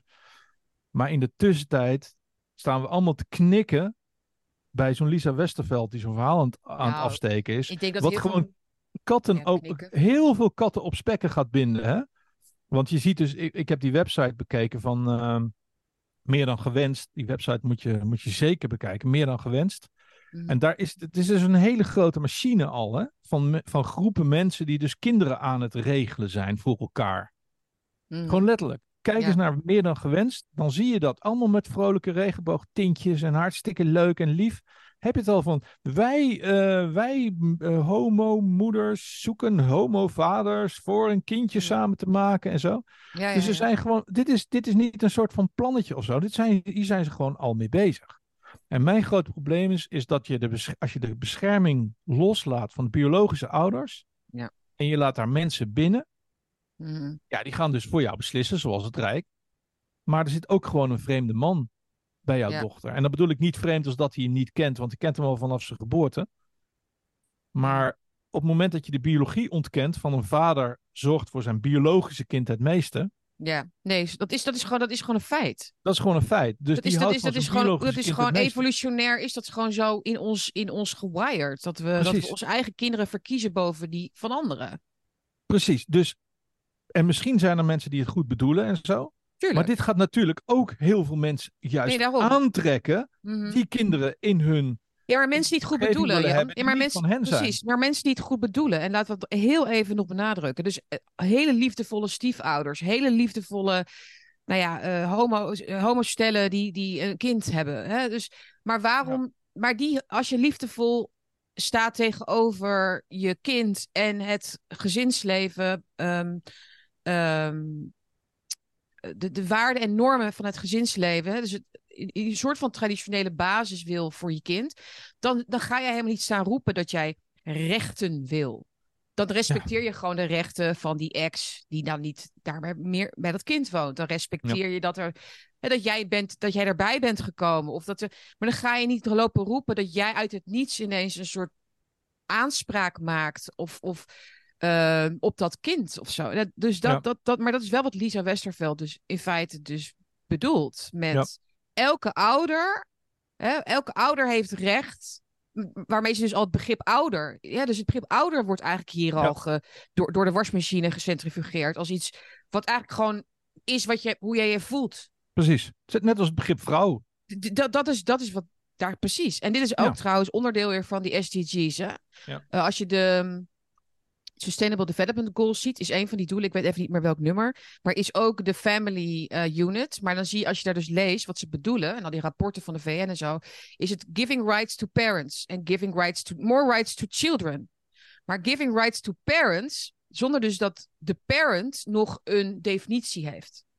Dus we will decide wat de parent is. En als de parent in 2015 uh, eh, de ambtenaar is hè, die langskomt, nou ja, dan gaat het kind natuurlijk wel even mee. Dan, dan um, snap je? Ja.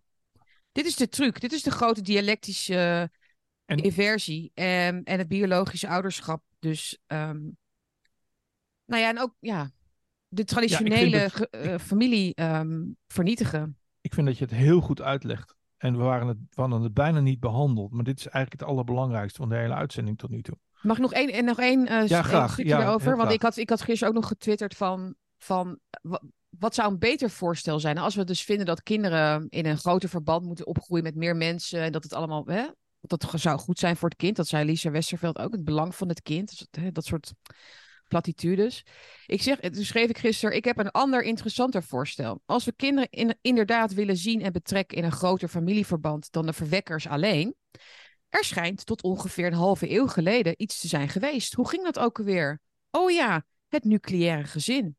Opa en oma waren in de buurt om bij te springen, tantes en ooms vingen neefjes en nichtjes op. Moeders stonden in nauw contact met andere moeders in de buurt. Vaders konden in het levensonderhoud voorzien van hun kroost en die van hun familieleden.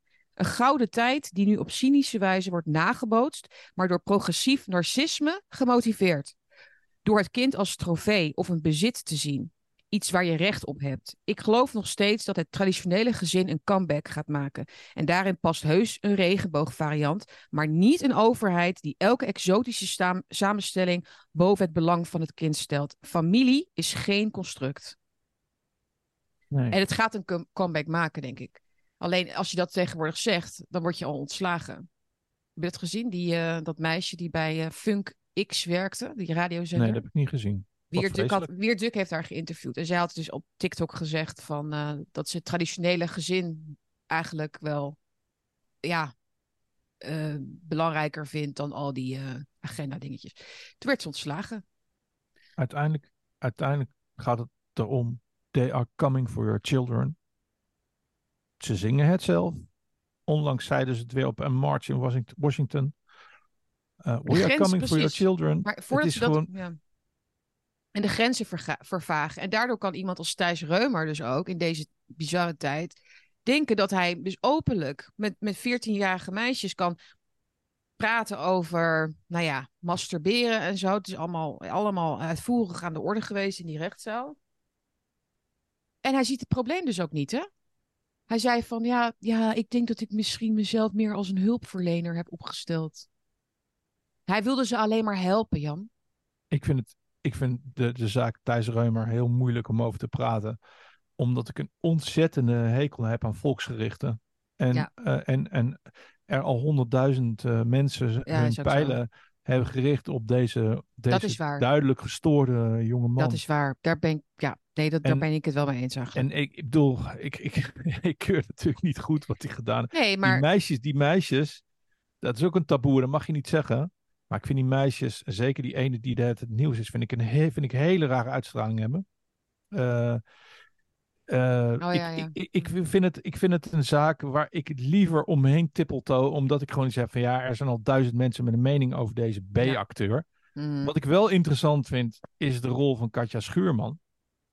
Uh, die niet zo op, daar wordt niet zo over gepraat, maar ik las wel op Twitter dat zij ook de hele tijd contact zocht met dat meisje en met haar in de sauna wilde gaan zitten en de meest rare dingen. En dan denk ik van, nou, dat vind ik Oh. eigenlijk interessanter dan die hele B, eh, dan die hele Oh, dat heb ik helemaal niet gehoord.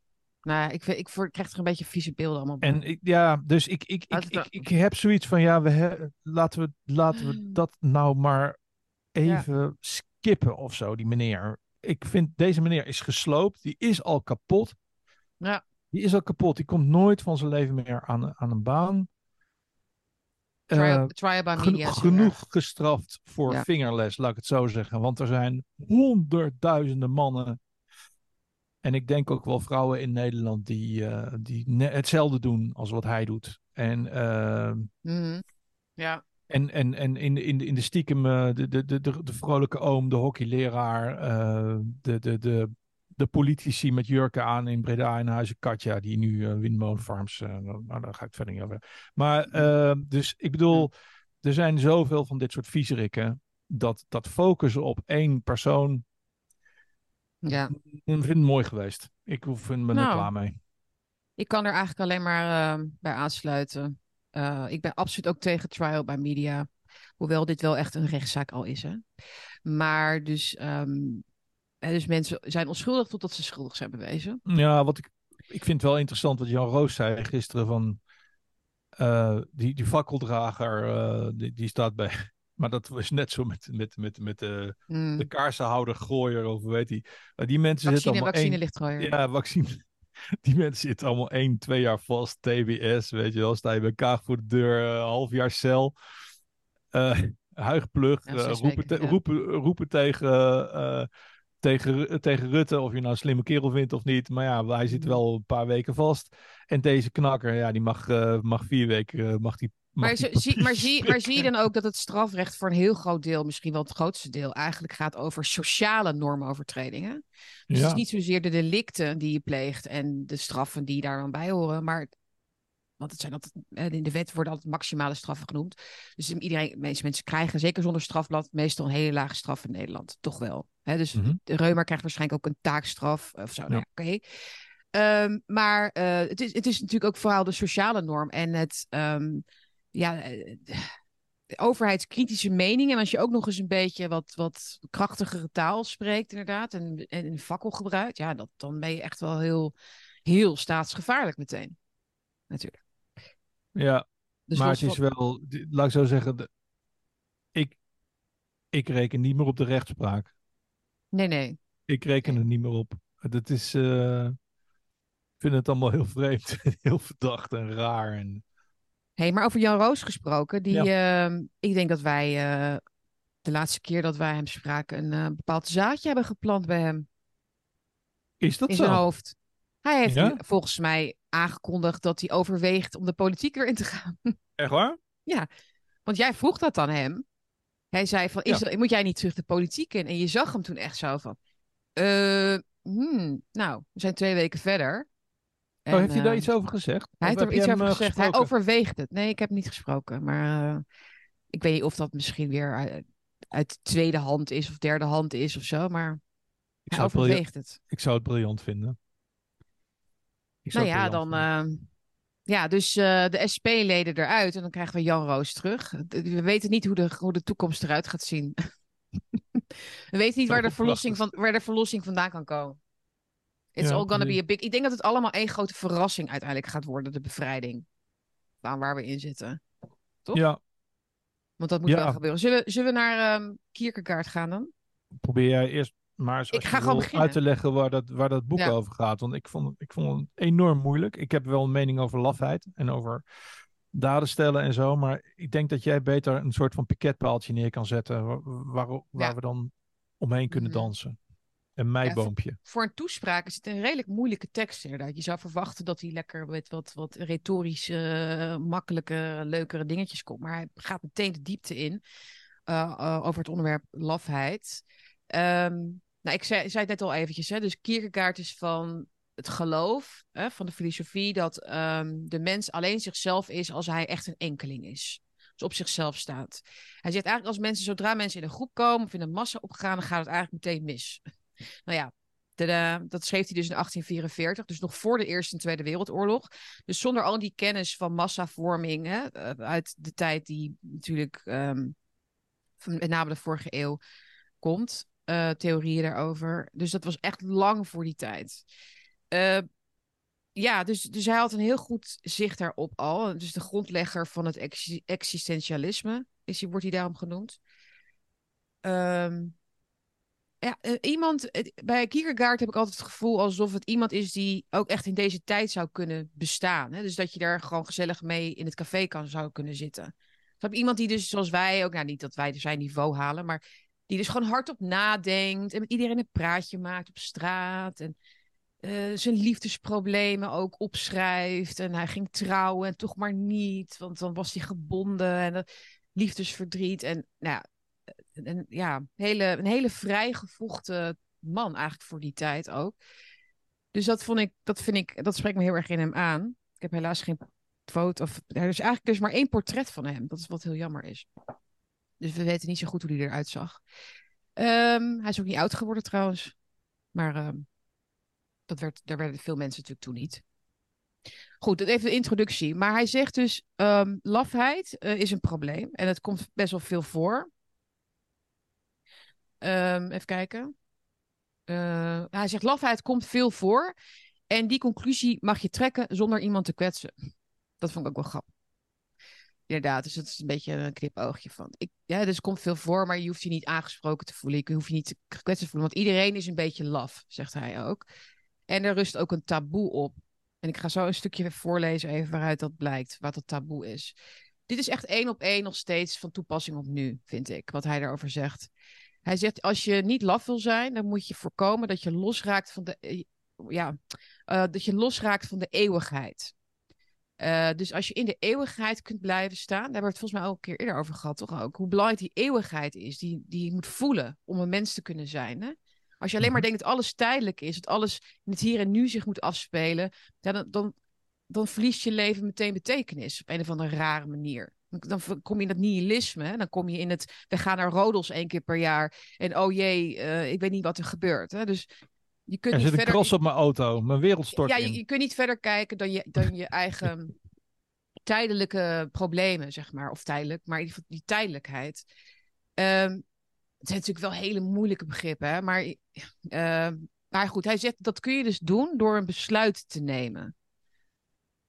Ja. Eh, dat vond ik wel lastig, want hij gaat nergens in het stukje in, dus wat hij bedoelt met een besluit. Maar ik denk dat, dat hij de lezer of de toehoorder eigenlijk de vrijheid geeft om dat dus zelf in te vullen. Dus dat je zelf blijft nadenken tijdens het lezen van wat bedoelt hij met een besluit. Maar ik denk dat hij bedoelt een besluit. Dus het, wat het ook is, besluit ja. iets. Hè, dus als je besluit om niet mee te gaan doen met de coronamaatregelen, of je besluit om uh, op een, uh, een, politieke richting te kiezen, om iemand, ja. iemand, te stemmen, of je besluit een gezin te beginnen, of je besluit. Of je, of je besluit in een tram uh, een mes uit iemands handen te slaan die iemand overvalt. Of je besluit ja. de politie te bellen. Maar wat er dus heel vaak gebeurt in een tram, is dat 99% van alle mensen als koeien staat vastgenageld mm -hmm. en staat te twijfelen. Wat zal ik nu doen? Moet ik weglopen? Uh, zal ik net doen of ik niet besta?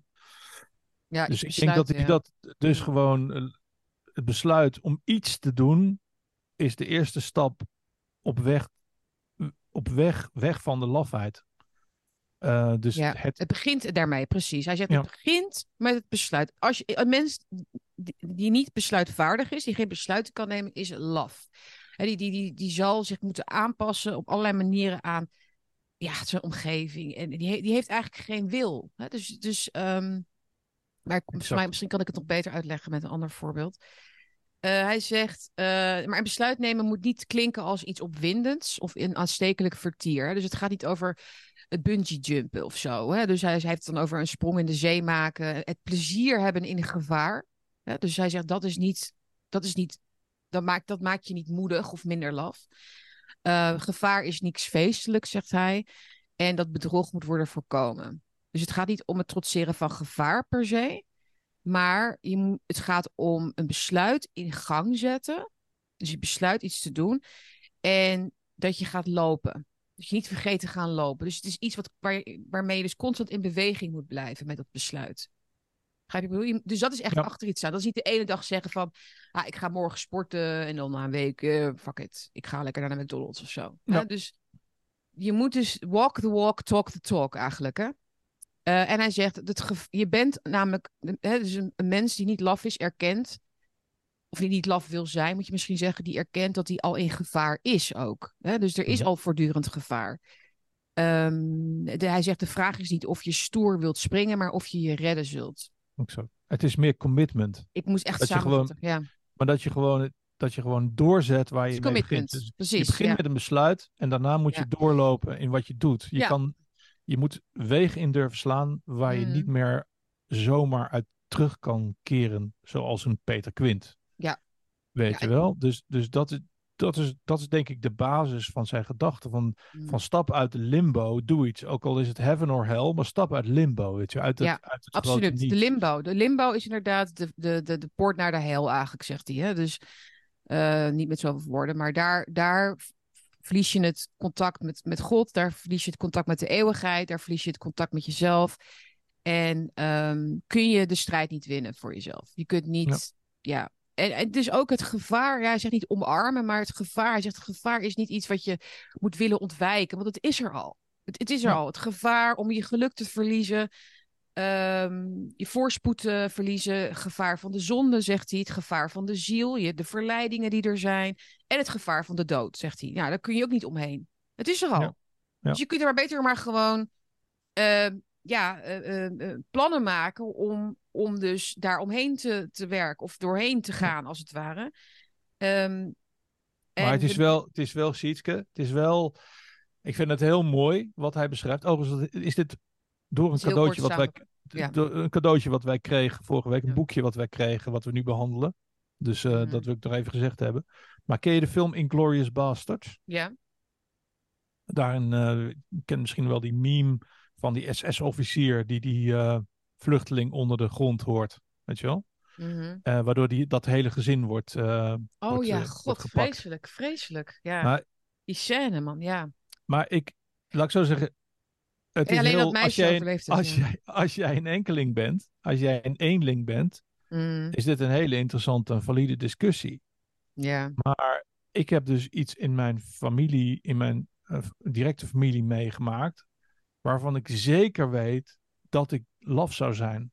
Mm. Uh, namelijk, uh, mijn grootvader heeft, um, terwijl hij een gezin had met zeven kinderen, of acht kinderen, nee, zeven kinderen, één van één is na de oorlog geboren heeft hij drie keer een Joods kind op zolder gehad. Hmm. Met een, met een uh, Waalse uh, uh, nationalist, een aanhanger van de nazi's, die tegenover hen woorden, woonden. Hmm. En dan kun je zeggen, oh wat een held. Maar ik, ik had dat nooit gedaan. Ik, was, ik had dat nooit. Ik vind wat hij gedaan heeft, vind ik gekke werk. Waanzin dat hij dat gedaan heeft. Mm. Dus, dus ja, maar, het, opgeven van de lafheid kijk, lafheid heeft natuurlijk ook gewoon een, een, een, een, een lief broertje en die heet voorzichtigheid. En op het moment dat je niet alleen verantwoordelijk bent voor jezelf, maar ook voor zeven kinderen. En die, die Duitsers waren dus niet zo moeilijk hè, met, met het gewoon versturen van hele, hele gezinnen die onderduikers hadden naar, naar Mauthausen of zo. Hè. Dat deden ze gewoon. Mm, Dus ik heb voor mezelf uitgemaakt dat ik dat lef nooit had gehad in de Tweede Wereldoorlog. No way. Ik had nooit mijn vier kinderen blootgesteld aan zo'n groot gevaar. Dus dat vind, vind ik het wel ingewikkelder. Ja, ja, maar dan weeg je toch ook twee verschillende dingen tegen elkaar af, denk ik. Hè? Van enerzijds, wat is de prijs van, van, van mijn moed? Hij heeft het trouwens niet over moed. Hè? Het, is, het is tegen lafheid. Hè? Dus hij, hij beschrijft mhm. niet wat moedig dan is. Okay. Hij zegt alleen maar van als je dus tegen lafheid wil strijden, dan begint het met een besluit. Dus dat is, dat is de, de springplank die hij neemt, zeg maar. Daar mhm. begint het mee. Besluiteloosheid, zeg maar, is, is, de, is de basis voor lafheid. Dus of het, kijk, botsende, tegenstrijdige uh, plichten, hè, waar, wat jij beschrijft bijvoorbeeld. Mhm. Ja, dat, dat, is, dat is natuurlijk een, een, andere vraag. Hij zegt ook, uh, hij zegt er wel iets over. Hij zegt de opgave voor jezelf uh, zo groot mogelijk maken. Dan kom je aan bij de trots. En dat, is, dat kan ook een, een juist weer lafheid opleveren. Omdat je dan denkt dat je alles in je eentje op je schouders draagt. En ik ga dit mm -hmm. gezin beschermen tegen, weet je. En terwijl je daarmee dus ook misschien um, ja, anderen in gevaar brengt. Of weet ja. je, dus. Um, dus je moet ook niet te veel trots in de plaats stellen, zeg maar, van. Um, moed, hoe noem je dat? Ja, ik, ik, die heb ik nog niet helemaal rond. Maar het, ja, het, het, is, het is een heel complex verhaal, maar ik denk gewoon dat je het het beste kan complex. samenvatten van, van, van. En dat kun je heel goed doorvertalen naar de huidige tijd. Mm. Dat mensen in ieder geval iets doen. Ja. Weet je wel? Ja. Loop niet als een zombie. Ga niet als een zombie überhaupt naar een camping met een bos wat wat, wat uh, in de fik staat. Dat kun je gewoon op internet zien, weet je wel. Dat mm. zie je gewoon op het nieuws. Als je dan alsnog gaat, ja, dan moet je niet raar opkijken dat, dat, je, dat je een kut Ja. uit hebt, weet je wel. Dus, dus, dus gewoon wees scherp, wees actief. Doe in ieder geval iets gewoon. Doe Ja, iets maar in plaats ja, van precies. niets. Maar ik denk dat dit. Misschien is het best wel ingewikkelde tekst, omdat het dus heel erg in het abstracte blijft hangen. Van wat is het besluit? Wat is nou eigenlijk dan? Wat moet ik dan doen? Hè? Mensen van ja, wat moet ik dan doen? Eh, en hij- vooral als hij dan zegt iedereen is laf. Nou ja, wat, wat is de point dan nog? Hè? Iedereen zou voor een moeilijke beslissing misschien voor zichzelf kiezen. Hè? Dat is gewoon zo. Dus wat heb ik eraan? Eh maar ik denk dat dat wel voor onze kijkers misschien wel praktischer wordt als je het eenvoudiger dus gaat zien. Dus weet je, je hoeft niet de, deze crisis en deze strijd te, te, te winnen of zo. Je kunt gewoon dus stapje voor stapje, dag voor dag. Hè, want hij zegt bijvoorbeeld ook, soms valt de avond over een nederlaag. En dat is ook prima. Hè? Hm. Eh, je moet erkennen dat de strijd langdurig is en wordt, zonder dat je daar iets aan kunt doen. En soms valt de avond over een nederlaag. En dat is ook prima. Hè? Dus, Ja. Eh, en dat vind ik weer de, tro- ja, dus de troost een beetje erin. Inderdaad, van je hoeft niet, ehm, ja, ehm, de strijd te winnen of zo, per se. Hè? Het is ook gewoon het, het dag, dag voor dag, stapje voor stapje, die beslissingen nemen die in ieder geval je voor die lafheid behoeden, zoveel mogelijk. Denk Ja. ik. De allereerste stap is überhaupt iets doen. Ja. Iets doen. Ja, Ja. maak het klein. Dat zeggen wij toch ook altijd? Groei, groei, groei een peterselieplantje in je vensterbank. En niemand is heilig. En niemand is, eh, ja, Eh, niemand inderdaad. Iedereen heeft zijn, zijn eigen, ook zijn eigen gevecht te, te voeren. Dat Maar wordt, inderdaad- wordt, ook wel eens, wordt ook wel eens vergeten. Hè?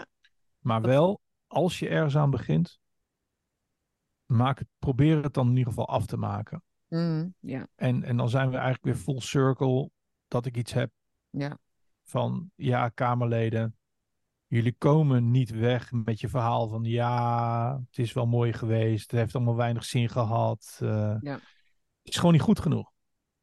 En weet je, waarom weet je waarom de klimaatpolitici dus in die zin ook zo laf zijn? Daar moest ik dus aan denken. Ja. In Kierkegaard zijn eh, vo- versie. Eh, is omdat zij in feite geen besluiten nemen. Ze, ze, ze, ze, ze, ze- ze projecteren alles op een verre toekomst. Ja. Ze, ze kiezen nooit voor het hier en nu, hè? Heb je het door? Hij zegt ook, hij, Ja. dus, hij- dus je moet even hier Frans Timmermans invullen. Timmermans leeft in dat blijvende streven. En mocht de bezorgdheid in hem postvatten met de vraag of het wel een streven is en of het wel blijvend is, dan verdrijft de lafheid iedere twijfel en strijkt onmiddellijk iedere rimpel in zijn voorhoofd glad door te verklaren dat een enkele dag, een enkele week een veel te gering bestek is om een dergelijk streven aan af te meten. Nee, 2030 hè? 2050, net zero. En heus, ook al streeft hij zelf niet, de lafheid zet rustig haar streven voort en kan goed zien dat ze week na week, ja dag na dag, niet te vergeefs streeft en ook niet streeft naar een oneindig ver doel. Dus ze kunnen elke dag zichzelf vertellen dat ze met een doel bezig zijn. Ja, deden de communisten ook. Ja.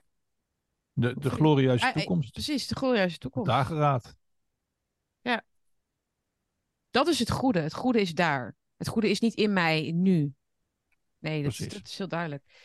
Hij zou, hij zou, ik denk, wat, wat zou, Als Kier, geef Kierkegaard een Twitter-account, zou ik zeggen. Wat, zou, wat zouden deze mensen denken als ze in de tijdmachine hier zouden landen? Ik denk dat deze mensen hun processortje binnen, binnen een half uur helemaal oververhit, zo, gesmolten zou zijn.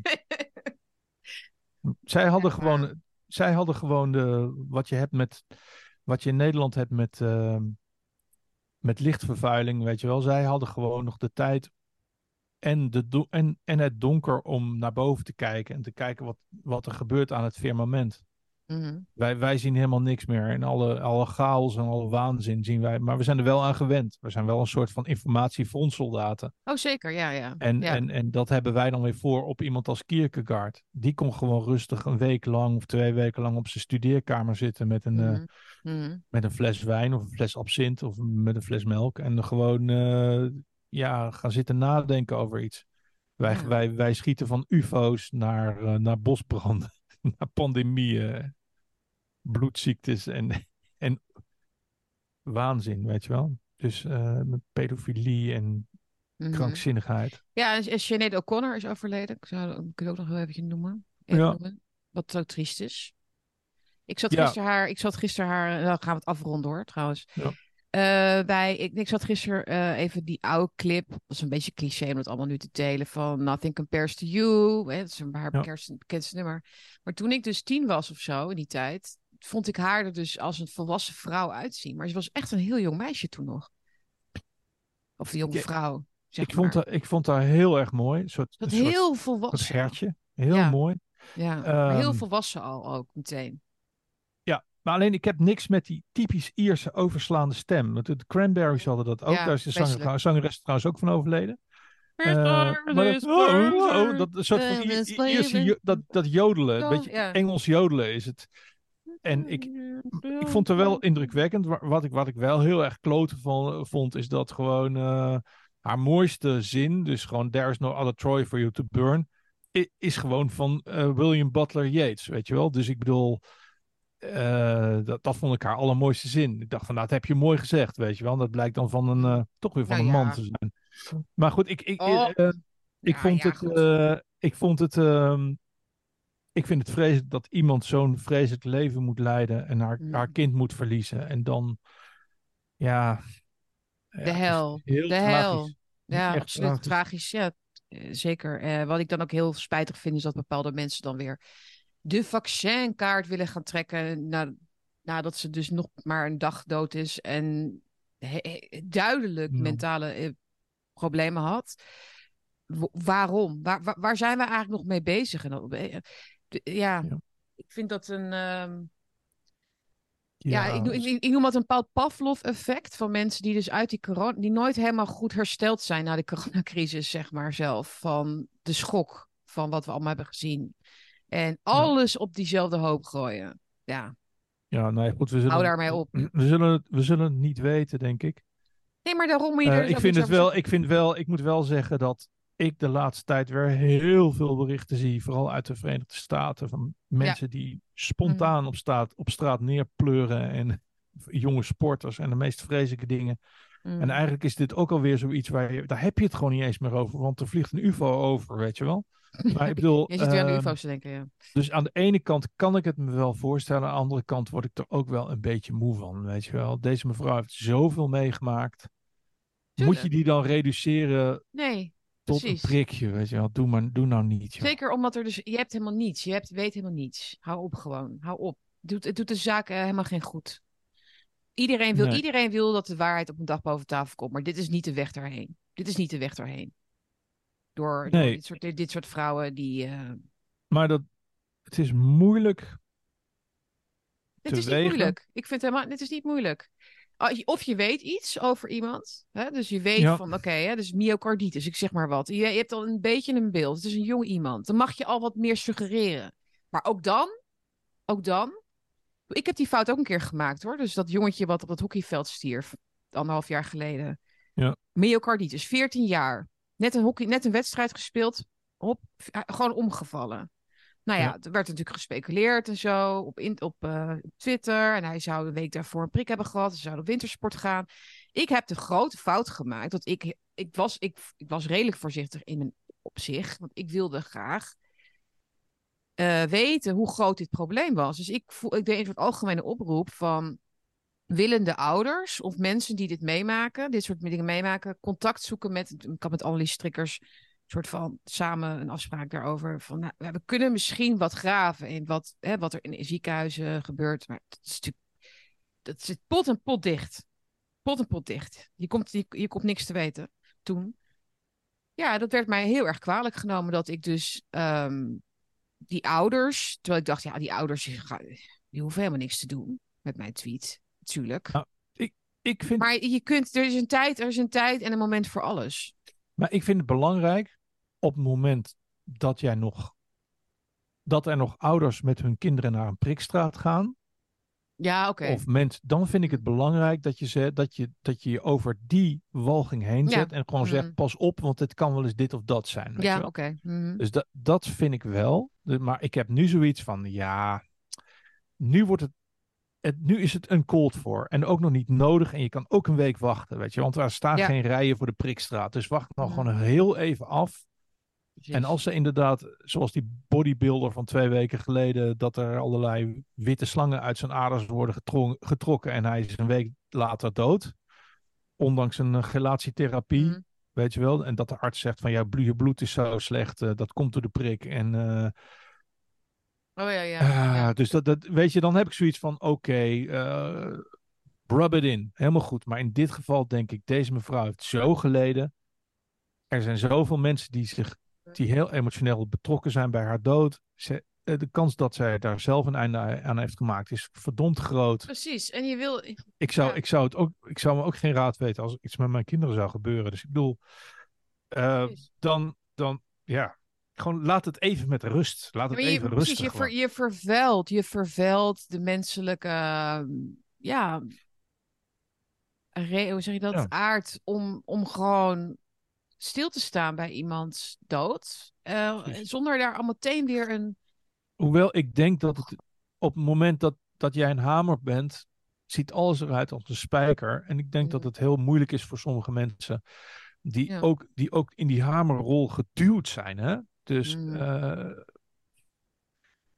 dat het gewoon dat je op een gegeven moment ook niet meer anders kan, niet meer beter weet. En dat je gewoon dat, dat je gewoon je Pavlov-respons wordt. Dus daarom vind ik het wel goed dat we het inderdaad een keer gewoon hardop zeggen dat het misschien Zeker. eventjes wat minder kan. Het, het zuigt zoveel energie weg, snap je? Van gewoon dingen die gebeuren, die gewoon ook er die gewoon gebeuren omdat ze gebeuren. Oké?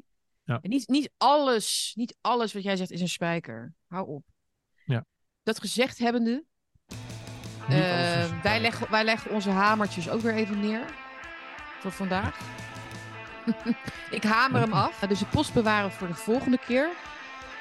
Uh, dus dat zal dan begin volgende week wel weer zijn, denk ik.